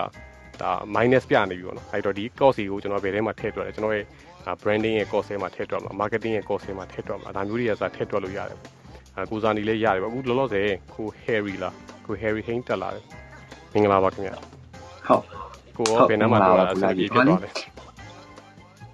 ဟိုပါလေကျွန်တော် တွန်းဟိုကျွန်တော်တော့တပြန်မှဝင်လာတာဆိုတော့ဗောနော်နည်းနည်းလေးဟိုကြောင်ပြောင်းနေရရှိဗောနော်ဆိုတော့ကျွန်တော်အခုတွန်းနေတာ1928နဲ့စားလိုက်တယ်ဗောနော်စားပြီးရင်အဲ့အပြင်ပါဆက်လောက်ရတာလည်းမသိဘူး so အဲ့ဒါရလာတဲ့အဖြေက banning rate ပါခင်ဗျာကျွန်တော်အခုပြောနေတာ banning rate ပဲပါသေးရပေါ့နော်ဒီနေ့မှာအဲ့ banning rate ရလာပြီဆိုလို့ရှိရင်အဲ့ banning rate ကဘာလို့ဆိုလိုတာလဲဆိုတော့အဲ့လောက်အမောင့်မှာအကူကတနားကြီးမှာမရှာနိုင်လို့ရှိရင်အကူရှုံးနေပြီပေါ့တရက်မှာ၈နာရီလုပ်တယ်ဆိုလို့ရှိရင်အဲ့ကောင်၈နဲ့မြောက်လိုက်ပေါ့၈နဲ့မြောက်လိုက်လို့ရှိရင်အကူကတရက်တရက်မှာအဲ့လောက်ရအောင်ရမယ် အဲ့လောက်မှမရဘူးဆိုလို့ရှိရင်ကိုကရှုံးကိုရှုံးနေပြီးသားဖြစ်နေပြီအဲ့တော့ကိုက charge လုပ်တော့မယ်ဆိုလို့ရှိရင်ကိုယ့်ရဲ့ဈေးကိုကိုတွက်နိုင်အောင်လို့များရင်တော့မြတ်တာလူတွေကကြိုက်ကြတယ်ပေါ့နော်ဒါပေမဲ့အ ਨੇ ဆုံးကိုထားလို့ရမယ်ဈေးပေါ့ကျွန်တော်တို့ pricing ကအဲ့ဥစ္စာဘာဒီမှာပါတွက်လဲဆိုတော့ဒီ overhaul ဒီ over over head cost တွေပါတွေတွက်တာအကုန်လုံးတိသွားပြီဆိုလို့ရှိရင် product တစ်ခုထုတ်တော့မယ်ဆိုလို့ရှိရင်ထားပါတော့အဲ A W ထုတ်တော့မယ်ပေါ့ဒီ A W ရဲ့ကုန်ကျစရိတ်ကိုဘယ်လိုတွက်လဲဆိုတော့အဲ့ဒါတွေကစအကုန်ပါတယ်ပေါ့စက်ယုံမီတာကပယ်ယူပို့ဆောင်ရေးဒါတွေအကုန်လုံးပေါင်း သူက mass production ဖြစ်တဲ့အတွက် production cost မှာတစ်ခုချင်းစီမှာတော့တက်တာသွားတယ်ပေါ့အဲရောင်းတဲ့ခါမှာကိုကဒီဥစ္စာ return ပြန်လာနိုင်တဲ့ rate ကဘယ်လောက်လို့ပါတော့ဒါမျိုးတွေကစတွက်လို့ရတာအဓိကအားလုံးသိရမှာကိုယ့်ရဲ့ banning rate ပေါ့နော်ကျွန်တော်ဒီနေ့ပြောတဲ့တင်ဘယ်လောက်တန်တယ်လဲဆိုတာဟာလေကိုယ့်ရဲ့ banning rate ကိုပဲပြောချင်တာပါအဲဒီ banning rate ကိုသိရပြီဆိုလို့ရှိရင်ကိုက client တွေကို charge လုပ်လို့ရှိရင်ဒီထက်တော့နည်းလို့မရဘူးဆိုတော့ rate တစ်ခုကိုသိသွားစီမှာဖြစ်ပါတယ်အဲအဲ့ဒါကိုရည်ရွယ်ပြီးတော့ဒီနေ့ခန့်လေးကိုလောက်ရခြင်းဖြစ်ပါတယ်ကိုယ်ရီရော IT အဖြေရလာဗျ အော်ရလာပြီခဏအဲ့1928နဲ့စားလိုက်တဲ့အာစားလိုက်ချင်ကျွန်တော် banning rate တစ်ခုထွက်လာတယ်ဗောနော်ဟုတ် IT တော့ရပြီ Okay တော့ကို Harry ရော for example ပေါ့နော်ပြောပြလို့ရမယ်ဆိုလို့ရှိရင်လည်းပြောပြပါတကယ်လို့မရလို့ရှိရင်လည်း example တစ်ခုတော့နဲ့ပြောပြပြီးတော့ဘယ်လိုလုပ်မျိုးတွေလုပ်လဲပေါ့အခုစာနေဆိုလို့ရှိရင် bind project နဲ့လုပ်တယ်ပေါ့နော်တလားတလား project နဲ့လုပ်တယ်ခုနညီလေး Rio ဆိုလို့ရှိရင်လည်းလူရေးအတွက်နဲ့စတင်တာမျိုးလုပ်တယ်ပေါ့အခုကို Harry ရောဘယ်လိုမျိုးလုပ်လို့လဲဗျအဲကျွန်တော်ကနှစ်မျိုးပေါ့နော်ဟိုဟာဟို freelance ပုံစံမျိုး by project နဲ့လုပ်တာလည်းရှိတယ် full time တစ်ခုလုပ်တာလည်းရှိတယ်ပေါ့နော်ဟုတ်ဆိုတော့ cool yeah 900ပေါ့နော်ဟုတ် freelance နဲ့လုပ်တဲ့ဟိုကလုပ်နေတော့အတူတူပဲလားအာအလုပ်ကတော့အတူတူပဲကျွန်တော်ကဟို product designer ပေါ့နော် UI UX ပိုင်းနေလုပ်တယ်ဟုတ် Oh sure that's cool ဟုတ်အဲ့ဒါဟိုလေခဏကကျွန်တော် banning rate ပေါင်း banning rate တွက်ပြီးတော့ဟို percent ထည့်ပေါင်းတာရှိတယ်ပေါ့နော်အဲ့တော့ကျွန်တော်အဲ့ဒါလေးတစ်ချက်တော့ပြန်ပြောပြပေးလို့ရလားမသိဘူးဗျဟုတ်ကဲ့အဲ့ဒါကတော့ကျွန်တော်တို့တနစ်တနစ်မှာဘလောက်အမြတ်လိုချင်လဲဆိုတော့တွက်တာပေါ့နော်ကျွန်တော်တို့ကဝင်ငွေတစ်ခုကိုဒီတိုင်းဆိုင်ဆိုင်နေလဲဒီဥစ္စာတော့ရမှာပေါ့ကိုကဘလောက်ဒီအမြတ်ကိုကိုကတင်ကြလဲပေါ့နော်များသောအားဖြင့်လူတွေကတော့ fair ဖြစ်တဲ့ amount ဆိုလို့ရှိရင်တစ်နှစ်ကို30% 40%လောက်ဒီပေါင်းကြတယ်ပေါ့နော်အဲ မြန်မာနိုင်ငံမှာဆိုလို့ရှိရင်10%ပြန်နှုတ်ရသေးတယ်ပေါ့အဲ40%လို့ကျွန်တော်တို့အမျက်တင်ရင်တော့မှ10%ပြန်နှုတ်ကျွန်တော်တို့30ရာခိုင်နှုန်းအမျက်ပဲဘာလို့10%ပြန်နှုတ်လဲဆိုတော့ကျွန်တော်တို့တကယ်ဘဏ်လုပ်ငန်းနဲ့ကုမ္ပဏီကြီးနဲ့လုပ်လို့ပြီဆိုလို့ရှိရင်ကျွန်တော်တို့အခွန်လဲဆောင်ရတယ်ပေါ့နော်ဝင်ငွေကုန်ပြန်ဆောင်ရတာရှိတယ်ပေါ့အဲ့ဒါကိုကျွန်တော်ကအနည်းဟိုဘယ်ပြပြ average အနေနဲ့တွက်ပြထားတာပေါ့တချို့တွေလည်း8%လောက်ပဲဆောင်ရလူတွေရှိတယ်ပေါ့နော်တချို့တွေ10%ပဲတချို့တွေဟိုတွင်းကုန်ထုတ်ကုန်လုပ်တဲ့လူတွေဆိုလို့ရှိရင်လည်းတို့ကတို့ percentage တစ်ခုနဲ့ဆောင်ရမှာပေါ့နော်အဲ့ဒါတွေကစပြန်နှုတ်ရမှာမလို့အဲကျွန်တော်တို့10%နဲ့ဒီထဲမှာတွက်ပြထားတယ်ပေါ့နော်อืม ဟုတ်ဆိုတော့အဲ10%တော့ဟုတ်ဟိုပေါ့10%ကနေကျွန်တော်တို့ဒီ banning rate ကိုတနစ်စာပြန်တွက်ပြီးတော့မှအကောင့်ကို percent ထပ်ပေါင်းရတာလားဗျမလို့ဗျဟိုကျွန်တော်ဥမာထားပါတော့ဟိုကို Harry က UI UX လုပ်လို့ website တစ်ခုကို charge လုပ်ရမယ့်ဥစ္စာကခုန banning rate နဲ့တွက်လိုက်လို့ရှိရင်ရပြီပေါ့ maybe ခုနကိုဇန်ဒီရဲ့ equation ထဲမှာထည့်ပြရမယ်ဆိုလို့ရှိရင် website တစ်ခုကို UI UX ဒါမှမဟုတ်လည်း app တစ်ခုကို UI UX လုပ်ပြီးလို့၃ဘတ်ကြာမယ်ပေါ့နော်၃ဘတ်ကြာမယ်တစ်ရက်ကို၈နာရီအလုပ်လုပ်တယ်ဆိုလို့ရှိရင်အာ ဒါနာရီတစ်ခုထွက်လာမယ်ပေါ့နော်အဲ၃ဘတ်မှာကိုကတစ်ပတ်မှာ6ရက်ပဲလုပ်တာလား9ရက်လုံးလုပ်တာလားပေါ့နော် freelance ကိုအဲ့လိုမျိုးလည်းရှိသေးတယ်ချို့ကြတော့လည်းအာတစ်ပတ်မှာ9ရက်လုံးလုပ်လုပ်တယ်ချို့ကြလည်းခုနကိုဇာနီလိုပဲတစ်ရက်နားတယ်ပေါ့ကိုဇာနီကတစ်ရက်ကို10နာရီလုပ်လုပ်တယ်၃ဘတ်လုပ်တယ်ဆိုတဲ့အတွက် तू ကနာရီပေါင်း180ရှိတယ်ပေါ့ကို Harry မှာလည်းအခုတွက်ကြည့်လိုက်လို့ရှင်အဲ3 week နဲ့တွက်မယ်ဆိုလို့ရှင်နာရီပေါင်းဘယ်လောက်ရှိမလဲကို Harry က freelance ကို full time လည်းတစ်ခုရှိတယ်ဆိုတော့ freelance ကိုဘယ်လောက်လုပ်တာလဲတစ်ရက်ကို4နာရီလုပ်တာလား3နာရီလုပ်တာလား อืมအာ freelance ကကျွန်တော်က3နိုင်နဲ့4နိုင်ကြာပါတော့ average ကအလားအလားလောက် let's say 4 hour ပေါ့4နိုင်ပေါ့ဟုတ် okay 4 hour ပေါ့ website တစ်ခုနဲ့ဒါမှမဟုတ်လို့ရှိရင် app တစ်ခုပေါ့ UI UX လုပ်ပြီးရင်ဘယ်လောက်အချိန် client တွေကိုတောင်းလဲပေါ့နော်ကိုလောက်ရတဲ့အချိန်ကိုပြောတာမဟုတ် client တွေကိုဘယ်လောက်တောင်းလဲအာနှစ်ပတ်အချိန်ခွာပြီးတော့တောင်းတာလားသုံးပတ်အချိန်ခွာပြီးတောင်းတာလားဘယ်လိုတောင်းလဲတော့တစ်လလားอืมပုံမှန်အားဖြင့်တော့ဟိုပါပေါ့နော်ကျွန်တော် project ပုံမူတည်ရဲ့ average အနေနဲ့တွက်မယ်ဆိုအနည်းဆုံးကျွန်တော်တို့တစ်လလောက်တော့စပြီးတောင်းနေဟုတ် okay တလမှာခုနပြောဆိုကျွန်တော်ဟို၄ဘတ်ရှိတယ်ပေါ့နော်၄ဘတ်မှာ6ရက်ပဲလုပ်လုပ်တယ်ပေါ့တရက်နားတယ်ဆိုလို့ရှိရင်6လေးလေးက24 24 okay 24နဲ့4နဲ့မြောက်လိုက်24နဲ့4နဲ့ဆိုလို့ရှိရင်96 okay အဲဆိုရင်ဟုတ်ကို Harry က project တစ်ခုကိုပြီးဖို့ဆိုလို့ရှိရင်96 hour ကြာတယ်ပေါ့နော်အဲ့ဒါကိုခုနကရတဲ့ banning rate နဲ့မြှောက်ကြည့်လိုက်อืม okay ဟုတ်ဆိုရှင်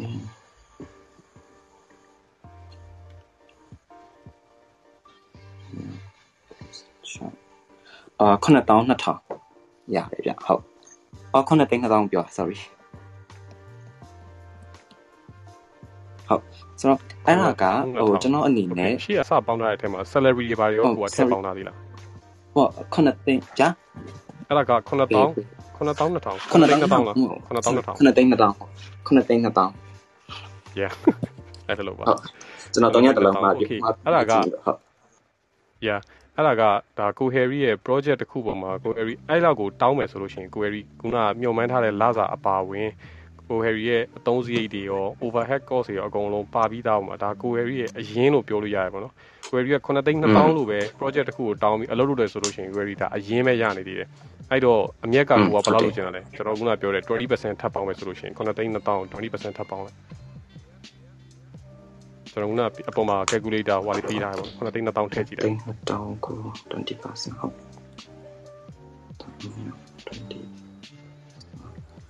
တရားဆိုကျွန်တော်အနေနဲ့တသိန်း4000 4000ထပ်ပေါင်းအောင်ပါဗောနော် yes တသိန်း4000 4000ထပ်ပေါင်းပေးပါအဲ့တော့ဘယ်လောက်ရလားတောင်းဆို8သိန်း6000 4000ရမယ်ဟုတ် okay ဟုတ်ဆိုတော့အဲ့ဒါကကျွန်တော်အနေနဲ့ဟိုထပ်ပြီးတော့မှဟို20%ညက်ချင်တယ်ဆိုလို့ရှိရင်ကျွန်တော်အနေနဲ့အလောက်တောင်းရမယ်ပေါ့နော်အဲ့လိုပုံစံမျိုးပေါ့ yes yes yes အဲ့ဒါပြောချင်တာပါအဓိကတော့ကျွန်တော်တို့ဒီဒီနေ့ခံလို့ရတယ်တင်လောက်တန်လဲဆိုတာ banning rate ကိုပြောတာပါကျွန်တော်တို့ဒီ banning rate ကိုမှမသိလို့ရှိရင်ကျွန်တော်တို့ကဆက်ပြီးတော့ဘာမှအလုပ်လုပ်လို့မရဘူးပေါ့နော်ကိုယ့်ရဲ့တန်ကြီးကအောက်ခြေအနှိမ်ဆုံးဘယ်လောက်ရှိရမလဲဆိုတာကိုသိသွားအောင်လို့ပါဒါသိသွားပြီဆိုလို့ရှိရင်ကို charge လုပ်ရမှာဒီတက်ပုံများလို့ရှိရင်တော့မြတ်တာပေါ့နော်စီးရင်ပြန်လုပ်လို့ရှိရင်လည်းကို့မှာအရှုံးပြမိတော့ပေါ့ကျွန်တော်ဖြစ်ခဲ့သလိုမျိုး အာနှစ်ကုံသွားဆိုစီးရင်ပြန်ချုပ်လိုက်တယ်ဟာငါ laptop ကလည်းပြတ်သွားပြန်ပြီ hard disk ကလည်းအစ်စ်ဝေရတယ် printer ကြီးကလည်းထကြောင်နေအောင်အယောင်လေးကမမှန်တော့ဘူးလို့ပါတော့ဒီလိုတွေဖြစ်လာလို့ရှိရင်ပူရမလို့တော့ဘူးဒီဈေးတွေအားလုံးကကိုလုံးမဲ့ project တွေမှာထည့်ပြီးပေါင်းပြီးသားဖြစ်သွားပြီပေါ့အဲအဲ့ဒါကိုဆိုလိုချင်တာပါအဲကြောင့်မလို့ဒါအမျက်လဲထွက်ပြီးသားအရင်လဲပါပြီးသားအောင်မှဒါကို Harry နေနဲ့ဆိုလို့ရှိရင်8သိန်း6000စီတောင်တောင်းလို့ရှိရင်ဒါလုံးဝ20%မြတ်ပြီးသားဒီထက်ပိုတောင်းရင်တော့အဲပူမြတ်တာပေါ့နော်။ Yeah မြတ်ဟုတ် ဟုတ်တဘောပေါက်ပြီအာကျေးဇူးရကိုလာပြီကျွန်တော်လည်းအဲ့ကိစ္စနည်းနည်းကြောင်ပြောက်နေတာ freelance ကကျွန်တော်လောက်တာလုပ်နေတာ charges ဘယ်လောက်ယူအောင်လဲမသိဘူးဟုတ်ကဲ့ပါခင်ဗျာအခုလိုမျိုးအကျိုးရှိပါလူတယောက်တွေ့ရဆိုတော့ကျေးဇူးအများကြီးအများကြီးတင်ပါတယ်အခုလောလောဆယ်ကျွန်တော်တို့ရဲ့ legendary clubhouse က legendary ကိုမမောင်လာဝင်လဲ stage 4ရောက်လာပြီပေါ့နော်ကျွန်တော်သူ့ request လုပ်လာတာကျွန်တော်တို့ room လုပ်မဲ့အချိန်ကသူ့စီမှာမနက်9နာရီပဲရှိသေးရဲဆိုတော့တက်နိုင်လို့ရှိရင်အာကိုမမောင်လဲဝင် join ပေးပါပေါ့သူကတော့လောလောဆယ်မှာ ကနေဒါမှာရောက်နေပါတယ်ကနေဒါကနေပြီးတော့ speaking from Canada ပါကိုမမောင်လာဝင်ဘာတူလဲဆိုတာသိချင်လို့ရှိရင်တော့ဒီခန်းထဲမှာရှိနေတဲ့လူတွေအကုန်လုံး Google ကိုမေးလိုက်ပါလို့ပဲကျွန်တော် recommend ပေးချင်ပါတယ် Google မှာရှာကြည့်လိုက်ပါကိုမောင်လာဝင်ကို I ရုပ်ရှင်တွေကြည့်လိုက်လို့ဆိုရှင် IMDb ဆိုတဲ့ website ကိုကောင်းကောင်းသိပါလိမ့်မယ်။အဲဒီမှာသူ့နာမည်နဲ့ page တီးတန့်အောင်ထားထားပေးတာပါ။ Hollywood က company အကြီးကြီးအများကြီးတွေနဲ့အလုပ်လုပ်ဖို့ပါတယ်။အာမင်္ဂလာပါ morning ပါကိုမောင်ဟိုလာပြီမင်္ဂလာပါဟိုဇာနေလို့ကျွန်တော်ဟောလေးပါပေါ့နော် အားတောင်းလို့ကောင်းပါတယ်အခုမှနည်းနည်းစကားပြောလို့ရလို့နည်းနည်းကျွန်တော်လည်းတိတာလေးနည်းနည်းဝင် share ပေးအောင်နော်ကျေးဇူးပါ။ဟုတ်ဗျာဟုတ်။အာကျွန်တော်တို့ဒီဟုတ်ပါတော့ကျွန်တော်အဲ့ဒီ share ပေးပါဟုတ်ဟိုဟိုကုလားပြီးတွက်တဲ့ကောင်းပါအကုန်လုံးလေဟိုဟိုကျွန်တော်တို့ဒီဘက်မှာတို့ဘာလို့ပေါ့နော်မှာဟိုတွက်လို့တခြားတခြားစဉ်းစားရတာတွေကျွန်တော်လည်းနည်းနည်းရှိတာပေါ့နော်ဥမာအပြင်ဟိုအလွယ်စဉ်းစားမယ်ဆိုတော့ဗျာဥမာအပြင်ကျွန်တော်ဆိုလဲ ဟိုဟိုကိုယ်ပိုင်လုပ်ငန်းလိုမျိုးမိုင်းမှာလုပ်မှနိုင်냐သွားလာခစားလုပ်တယ်ပေါ့နော်မှာလာခစားသွားလုပ်ပြီးတော့မှကျွန်တော်ကအခုဟို freelance လိုမျိုးလုပ်တယ်ပေါ့နော်ဒါပေမဲ့အဲ့လိုမျိုးပေါ့နော်ခုနကလိုမစင်းစားတဲ့ဟာလေးကျွန်တော်မစင်းစားခဲ့မိတာလေးတွေကျွန်တော်ပြန်ပြီးတော့ဟိုပြန်တွေးကြည့်အောင်ဥပမာအပြင်ဗျာဟိုကျွန်တော်တို့ကဒီမှာလာကစားလုပ်လို့ရှိရင်ကြတော့ဥပမာအပြင်ဒါကတော့ဟိုကျွန်တော်ရဲ့ဟိုခုနလို minimum expectation တွက်လို့ရအောင်နော်မှာကျွန်တော်လာကစားဝင်လုပ်လိုက်လို့ရှိရင်ထားပါတော့ဗျာ ဟိုကျွန်တော်တစ်လဟိုကဲဟိုတွက်လို့မြန်မာငွေနဲ့ပဲလွယ်အောင်တွက်လို့ရအောင်ဟိုအကျမ်းမြင့်မဲ့ပြောတာပေါ့နော်ကျွန်တော် rate မဟုတ်ဘူးပေါ့နော်ဒါတော့မှကျွန်တော်အလားကစားလုပ်ရင်ဟိုကျွန်တော်လာကတစ်လ10သိန်းရတယ်ဆိုရင်ဟို10သိန်းလို့ကျွန်တော်တွက်ရုံနဲ့မကောက်ဘူးပေါ့နော်ဥပမာကျွန်တော်လာကစားလုပ်တဲ့ခါကျတော့ခုနလိုဟိုသူကဥပမာဟိုစေးခွင့်ပေးထားတာရှိရှိမဲမှာ annual holiday ပေါ့နော်တစ်နှစ်ကိုနှစ်ပတ်အလကားပေးထားတာတို့အဲပြီးလို့ရှိရင်ဟိုလာကစားလုပ်တဲ့အတွက်ကုမ္ပဏီကဥပမာဟို medical coverage ပဲပေးရတယ်ပဲရှိမှာပေါ့နော်အဲ့တော့ ကျွန်တော်တို့ကဒီကျွန်တော် freelance လိုမျိုး လုပ်မဲ့အခါမှာ အဲ့ဒီဟာလေးနည်းနည်းတော့ ပြန်စဉ်းစားအောင်ဒီမှာကိုယ့်ဘာကိုထွက်လိုက်လှုပ်ထွက်ပြီးတော့ ကိုယ့်ဘာကိုလုပ်မယ်ဆိုရင်အခုကျမ်းမာရေးအမကန်ကိုအားပေးရမယ်ပေါ့နော် ပြီးတော့ ခုနလိုမျိုးဟိုကွန်ပျူတာဘိုးတွေပါတွက်တဲ့ခါမှာလဲဟိုကျွန်တော်တို့ကြတော့ဟိုကုမ္ပဏီကြီးတွေကြတော့ ဘယ်လိုတွက်လဲဆို သူတို့က amortization ရှိတယ်လေဥမာဟိုကင်ကင်မရာဘာလဲကွန်ပျူတာတစ်ခုကတော့3နှစ်ပဲ သုံးလို့ရမယ်လို့ တွက်ထားတာမျိုးလည်း ရှိရှိမယ် ကွန်ပျူတာတစ်ထောင်တန်နဲ့ဆိုရင်တစ်နှစ်ကို350ပေါ့နော် သူတို့ကဒီလိုမျိုးတွက်တာလည်းရှိတယ်ဒါပေမဲ့တချို့ကုမ္ပဏီတွေကြတော့အာအဲ့လိုမျိုးတွေမကောက်ဘူးနော်သူက insurance လိုမျိုးလဲထားရတယ်ပေါ့ကွန်ပျူတာဆိုရပြတ်သွားမလို့လို့ဒီနေ့ပဲတုံပြတ်သွားအာမခံဟိုမှာဟိုဟို guarantee မရှိတော့ဘူးလို့လို့ပေါ့အဲ့ကြတော့လေသူတို့ကအဲ့လိုပစ္စည်းတွေကြတော့ဒီမှာဟိုဝယ်တာတဲ့ဆိုင် lease လုပ်တာတကယ် lease လုပ်တာကြောင့်လဲငါ့လိုအခွန်တွေအတွက်ပိုကောင်းတာပေါ့နော်ဟိုအခွန်ဝယ်လိုက်တယ်ဆိုရင်ဒါ asset ဖြစ်သွားလို့ရှိရင်သူကဒါဟိုပတ်စံပေးရတယ်ကွာအခွန်ပေးရတယ် ငှားတဲ့ဟာပတ်စံမပေးရဘူးဗျာဟိုမှာတစ်လားကိုကားကုမ္ပဏီအတွက်ကားဝယ်လိုက်ရင်အဲ့ကားအတွက်ကားဝယ်တဲ့အတွက်ဝယ်ရောင်းဝယ်ကုန်တွေပါဆောင်းရတယ်ကွာကားငှားစီလို့ရှိရင်ကားငှားတဲ့ဟာလားစီတစ်လားကိုတော့900ဒေါ်လာ900ပြီးဆိုအဲ့ဒေါ်လာ900အခွန်မဆောင်ရဘူးလေအဲ့တော့အဲ့လိုမျိုးနီးတယ်ရှိအောင်တော့မိုင်းမှာကျတော့ခုနကလိုကိုလိုက်ပြောလို့အခွန်ကလည်းသူကဟိုမိုင်းမှာတော့တိတ်တာမသိဘူးเนาะကျွန်တော်ဒီမှာကျအခွန်က3လေးမျိုးရှိတာပေါ့ဟို corporation နေနဲ့နေ corporation နဲ့ PR ခွင့်ရှိရ ဝင်ငွေကောင်ကဝင်ငွေကောင်ပေါ့နော်ခုနကရောင်းဝယ်ကောင်ကတက်တက်ပေါ့နော်မစင်ကူလိုမျိုးဆို GST ပေါ့နော်လို့မုတ်စားရင်ပေးရတဲ့ဟာတို့ကားဝယ်လိုက်ရင်ပေးရတဲ့ဟာတို့ကျွန်တော်ဆိုရင် software ဝယ်တာအစားဟိုကျွန်တော်ပြည်နယ်ကဝယ်ကျွန်တော်ကအဲ့ DST ကပလာကြီးပေးရအောင်နော်ဒါပေမဲ့တခုတော့ရှိတာကျွန်တော်ရဲ့ client ကဟိုဒီနိုင်ငံက client ပေါ့နော်ဟိုဆိုကျွန်တော်ကလည်းတို့အဲ့ဒီဒီရောင်းဝယ်ကောင်ပြန် charge လုပ်ရတယ်ပေါ့နော်အဲ့တော့ကျွန်တော်အဲ့ဒါတွေပြင်ခုနလိုဟို accounting အတွက်လည်းကျွန်တော်ကသုံးမယ်ဆို account accountant ဘိုးတွေပဲလည်း အာတွက်ပေါ့နော်အဲအဲ့လိုမျိုးတွေပေါ့အဲ့လိုခုနလိုအာမခံကိစ္စတွေပဲတွက်ထားတော့ကောင်းတယ်ပေါ့နော်မှာခုနပြောလို့မတော်တဆကိုကွန်ပျူတာကြီးပြတ်သွားမှလုပ်မယ်ပေါ့အဲဒါနောက်တစ်ချက်ကတော့ဟိုကုလားပြေတို့ထဲမှာကျွန်တော်မကြားမိလိုက်လည်းပြင်ဖြစ်မှာပေါ့နော်အဲတခုတော့ရှိတာပေါ့နော် freelance မဟုတ်ဘဲနဲ့ပေါ့နော်ကိုကအဲ့လို small business လိုမျိုးလေးစမယ်ပေါ့နော်ကျွန်တော်တယောက်တည်းလုပ်တာမဟုတ်ဘဲနဲ့ကျွန်တော်ရေရှည်ကိုက company လိုမျိုး register လုပ်ပြီးတော့ဟိုကြီးအောင်လုပ်မယ်ဆိုတော့ခုနလို burn rate တွေပါရေးထက်ကိုပေါ့နော် နောက်တစ်ချက်သူ့မှာအဲ့လို invisible value တခုတော့သူကတက်တယ်ပေါ့နော်ဆိုတော့ဗျာဥမာဟို Steve Jobs တို့ဘာလို့မှလုံးလုံးနေတော့သူကမှ Elon Musk ဆိုပါလို့ဆိုတော့လာကမယူပဲလုပ်တယ်ဆိုတော့သူကတကယ်ကတော့လာကမယူပဲလုပ်တယ်ဆိုတာကျွန်တော်ရဲ့ဥမာကျွန်တော်စီဝိုင်းစားလုပ်ကျွန်တော်လာကမယူပဲလုပ်လို့ရပါဘောနော်ဘာလို့လဲဆိုတော့ဒီတန်ဖိုးကကျွန်တော်ကကုမ္ပဏီရဲ့ကိုကျွန်တော်ထည့်နေအောင်နော်ဥမာကျွန်တော်ကုမ္ပဏီကဟဟိုကျွန်တော်10နှစ်နေကျွန်တော်ဒါဟို value တစ်ခုဖြစ်လာပြီဆိုတော့ကျွန်တော် company မှာ asset တွေရှိလာမယ် connection တွေရှိလာမယ်အာဒီကျွန်တော်ရဲ့ secret trade secret တွေရှိလာတယ်ဒီ company ကရောင်းစားလို့ရတော့ခုနလို company ရဲ့ share ခိုင်နှုန်းမှာကျွန်တော် share ဒေါ်လာ3သိန်းနဲ့ရောင်းလိုက်တယ်ဆိုရင်ကျွန်တော် company ကဒေါ်လာ3သန်းနဲ့ company ဖြစ်သွားပြီပေါ့နော်အဲ့လိုမျိုးတွေလည်းဟိုတွက်လို့ရတယ်ပေါ့ဒါမှမဟုတ်ဒီတော်တော်များများဟို startup ပေါ့သူတို့ technical startup တွေ technology ဟာတွေကအဲသူတို့အဲ့လိုမျိုးဟာတွေတိတ်မတွက်ဘူးခုနကဟို ban rate တွေပဲသူတို့ဆောက်ကူးမဆိုင်သူတို့အဲ့လိုမျိုးဒီ VC တွေကပတ်စံတွေယူပြီးတော့အဲလည်းဖြုံးတယ်ပေါ့နော်ဖြုံးအဓိကတော့သူတို့ကအကုမ္ပဏီရဲ့ဒီဟိုဟာ portfolio ပဲထိုင်ဆောက်တာပေါ့နော်အဲကိုယ့်ရဲ့ customer ဘယ်လောက်ရှိတယ်ကို technology ဘယ်လောက်ရှိတယ်ပဲဆောက်တာပေါ့နော် it's a slightly different kind of approach ပေါ့နော်ဒါပေမဲ့ကိုလာပြီးခုနကျွန်တော်တို့တွက်နေတဲ့ဟာတွေကတော့လို့ freelancer တယောက်နေလဲဆိုတာ very value ကိုတကယ်တွက်တင်တယ်ပေါ့နော်အဲမျိုးခုနပြောလို့ကိုယ့်ရဲ့ဒီဟိုမထင်မှတ်ထားတဲ့ဟာလေးလေတွက်တွက်တွက်ထားဖို့လိုတယ်ဘောလုံးမှာဖြစ်တော့တခြားဟိုကျွန်တော်ပြောလို့ကျွန်တော်အလုံးနဲ့လာကစားနဲ့လို့ကျွန်တော်ဟိုစေးခွင့်တို့ဆေးရုံတက်ခွင့်တို့ရှိရလေဟိုမှာကိုကအလုံးလုံးနေတယ်ကဲကိုနှစ်ပတ်နေမကောင်းဖြစ်သွား ဒါလည်းဒါ unexpected ပဲဒါ cost ကတက်လာအဲအဲ့လိုမျိုးတွေပေါ့အဲ့အရာတွေထက်တွက်ထားဖို့ဟိုပြောတာဆိုပြောပြတာပါပြည့်ပြီးတာပါဟုတ်ကဲ့ကျေးဇူးပါဟုတ်ကဲ့ပါကိုမောင်အခုလိုမျိုး international experience တွေပါလာပြီးတော့ drop လုပ်ပေးသွားတဲ့အတွက်ကျေးဇူးအများကြီးတင်ပါတယ်အာကျွန်တော်တို့ဒီနေ့ပြောချင်တဲ့ think ဘယ်လောက်တန်တယ်လဲဆိုတဲ့အခန်းလေးကနေပြီးတော့အများကြီးချုံမြတ်ရှိမယ်လို့လည်း ယူဆပါတယ်ပြီးတော့ clubhouse ကို update မလုပ်ရသေးလို့ရှိရင် update လုပ်လိုက်ပါပါတော့ update လုပ်ထားတဲ့လူတွေဆိုလို့ရှိရင်ဒီမှာမြင်နေရပါလိမ့်မယ်အပေါ်ဆုံးမှာ replay on လို့ပြောထားပါတယ်ကျွန်တော်တို့ဒီအခန်းလေးကပြန်ပြီးတော့နားထောင်လို့ရပါတယ်ဒါ clubhouse က feature အသစ်ပါကျွန်တော်တို့ test လုပ်တယ်ဆိုတော့လည်းမမအောင်ပေါ့နော်ဒီနေ့ room လေးကပြန်ပြီးနားထောင်လို့ရမှာဘယ်လောက်နားထောင်လို့ရမလဲတော့ကျွန်တော်မသိဘူးပေါ့နော်အဲဘယ်လောက်ကြာကြာဒီပေါ်မှာမြန်မာ club အောက်မှာထားထားလို့ရမလဲတော့ကျွန်တော်မသိပါဘူးဒါပေမဲ့တဝက်တစ်ပြက်မှဝင်လာတဲ့လူတွေအစအောင်မမီလိုက်တဲ့လူတွေအလဲကိုလွတ်သွားတဲ့လူတွေနောက်ဆုံးမှာကိစ္စရှိလို့ထွက်သွားတဲ့လူတွေပေါ့နော် ဘလူတွေပဲလွတ်သွားလွတ်သွားဒီအခန်းပြန်နားထောင်လို့ရပါတယ်အဲပြန်နားထောင်ပြီးတော့ try ကြည့်ကြပါတကယ်လို့အဆင်မပြေဘူးဆိုလို့ရှိရင်လည်းအချိန်မရွေးကျွန်တော်တို့လာပြီးတော့ Instagram ကနေ DM လုပ်ပြီးတော့မေးလို့ရပါတယ်ကျွန်တော်ခုနကပြောတဲ့အာဖတ်တဲ့စာအုပ်ဆိုရဲစာအုပ်လေးနာမည်ကိုနောက်တစ်ခေါက်ပြန်ရုပ်ပြပါမယ်စာအုပ်နာမည်က ban your portfolio ပါ ban your portfolio လို့ခေါ်ပါတယ်အာ author ရဲ့နာမည်ကတော့ Michael Chandler ပါ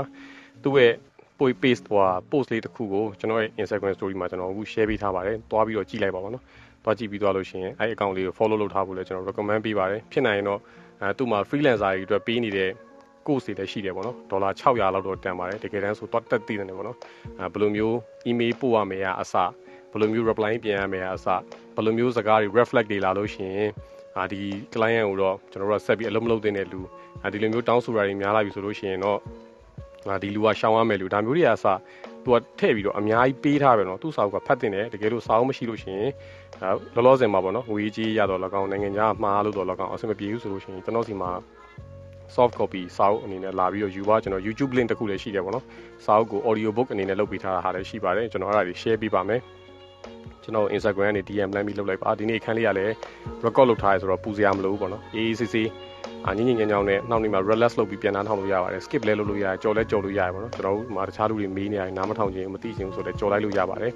အခုဒီအောက်မှာရှိနေတဲ့လူတွေလည်းအာ reset အနေနဲ့ဘယ်လိုနေကြလဲပေါ့နော်အာကိုရင်တော့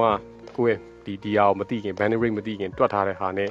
ကိုကူကိုကကိုဒီဟာကိုတိသွားလို့ပြန်တွက်ကြည့်တဲ့အချိန်လေးမှာကွာဟမှုတွေရှိလာပေါ့နော်။အခု charge လောက်တာနည်းနေလားကို charge လောက်တာများနေလားပေါ့နော်။ အခုဘယ်ဟာတွေကိုထည့်ပြီးတော့မစင်စားမိဘူးလေပေါ့နော်။အဲအဲ့ဒါကြီးတကယ်လို့ before and after လေးတွေရှိလို့ရှိရင်လည်းစင်ပြမယ်ဆိုလို့ရှိရင်ကျွန်တော်တို့ဒူလာရှင်းနိုင်ပါတယ်။အဲကျွန်တော်ပြန်ပြီးတော့ကြားတဲ့ခါလဲဝမ်းသာခြင်းလို့ပါတခြားတော့မရှိပါဘူးခင်ဗျာ။ privacy ကတော့ခုနကနောက်မှပို့ပေးထားတဲ့လူတွေအကုန်လုံးကိုကျွန်တော်နာမည်တွေပြောပြထားပါဘူး။ပြီးတော့လာမယ့်ကြာသပတေးနေ့ဆိုလို့ရှိရင်လည်းကျွန်တော်နဲ့ဒီအခုအောက်မှာနားထောင်နေတဲ့ကိုဗနာဇွန်နဲ့ပေါ့နော်ဒါလုံးမဲ့အခန်းလေးရှိပါတယ်ည10နာရီပါပဲပေါ့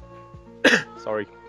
အဲကျွန်တော်တို့ည10နာရီလောက်ရတဲ့အကြောင်းရင်းကတော့ အာဒီကနေဒါတို့ US တို့မှာ daylight saving time ပြောင်းသွားတော့ဒီကျွန်တော်တို့နဲ့အတူတူတရားထိုင်တဲ့ Google Vin လွင်ရဲ့အခန်းတွေက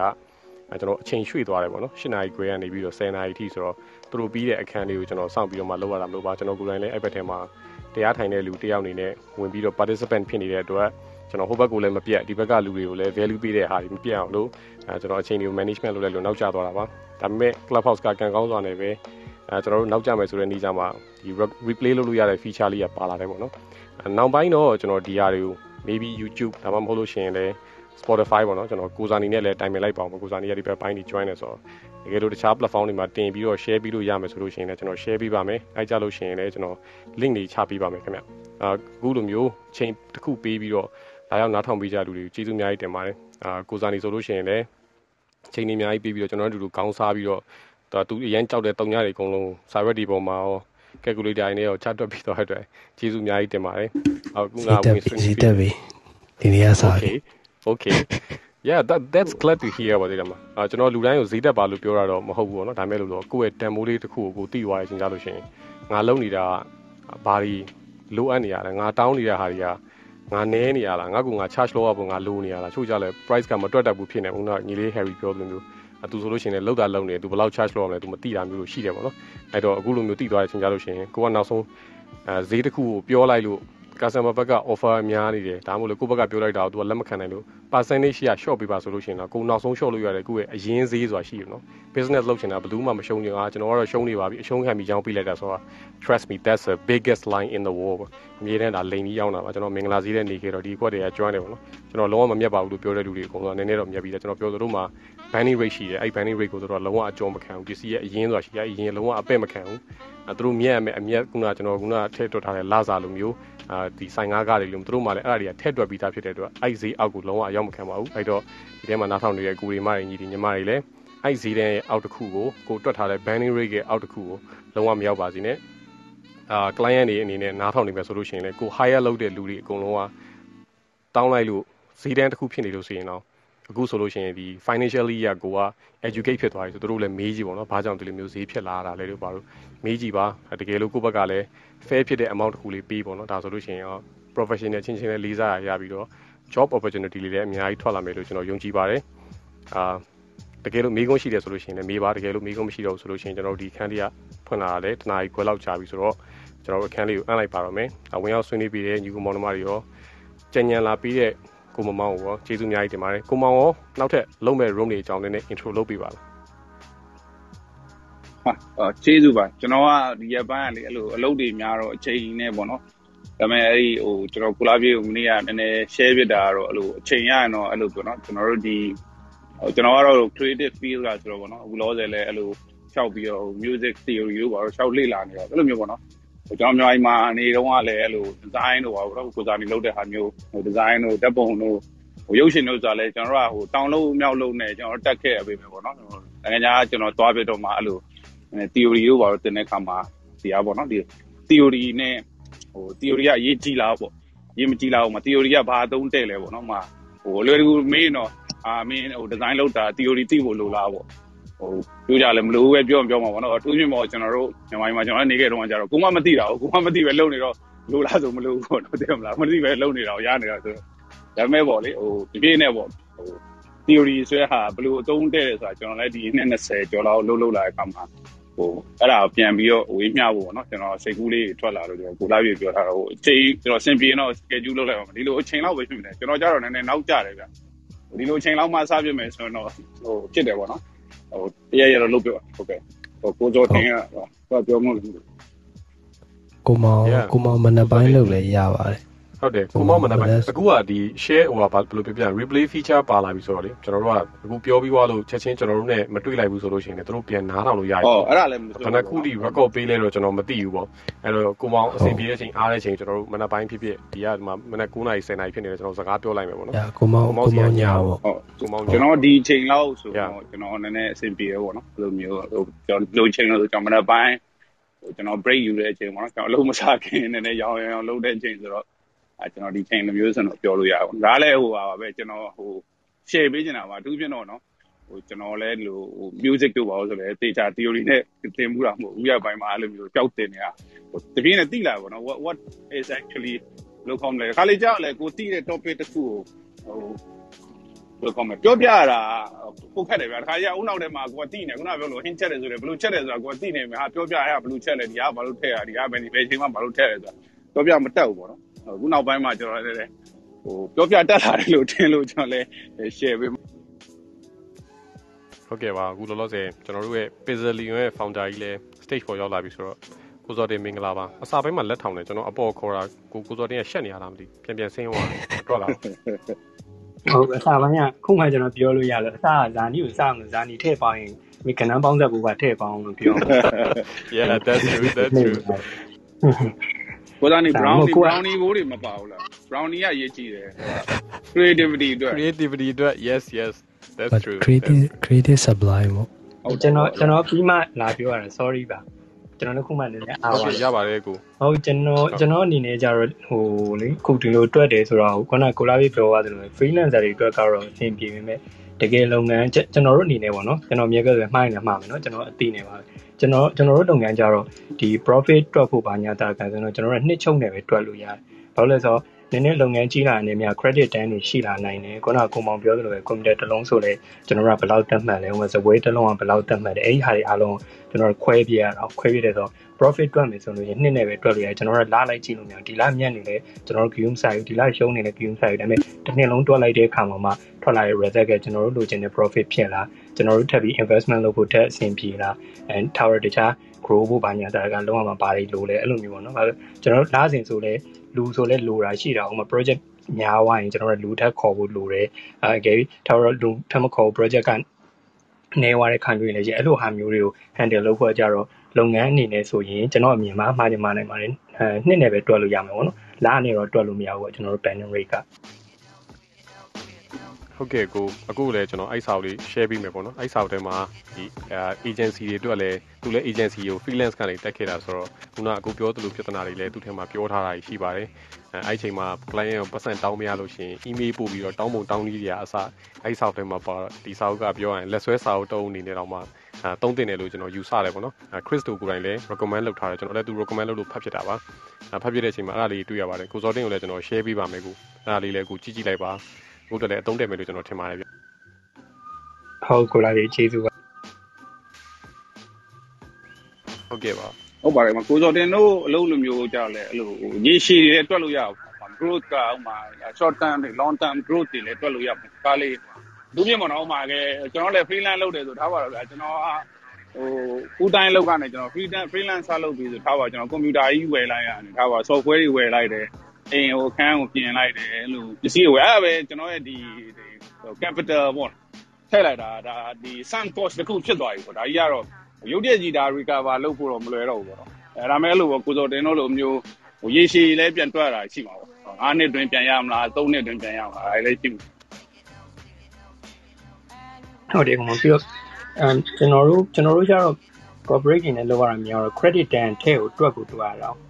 အဲကျွန်တော်တို့လာလိုက်ကိုလည်းတွက်လို့မရဘူးတချို့ credit တွေဆိုလို့ရှိရင်ဒါ3လလောက်ရှိရဟို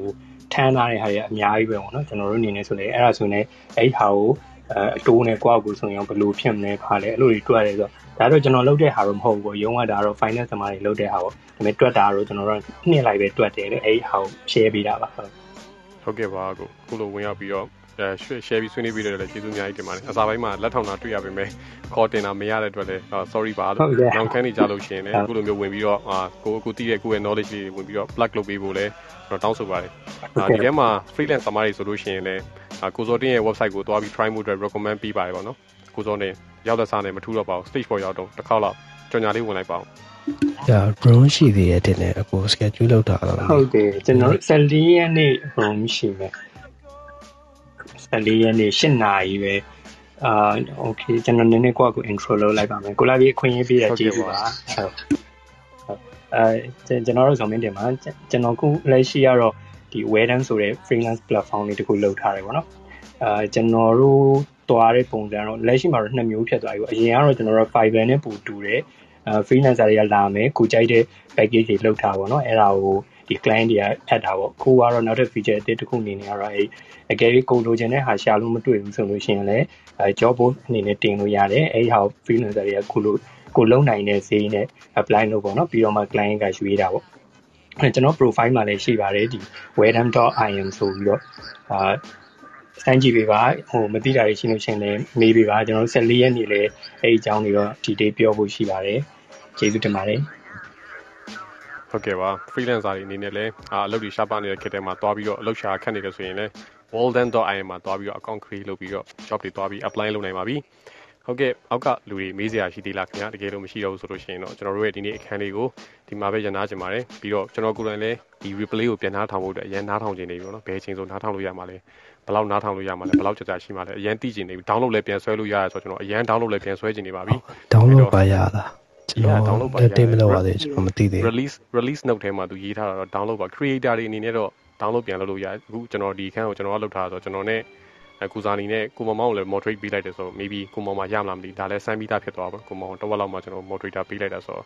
ဒါလေးလည်းပြန်ပြီး download လုပ်လို့ရမယ်လို့လည်းထင်ပါတယ်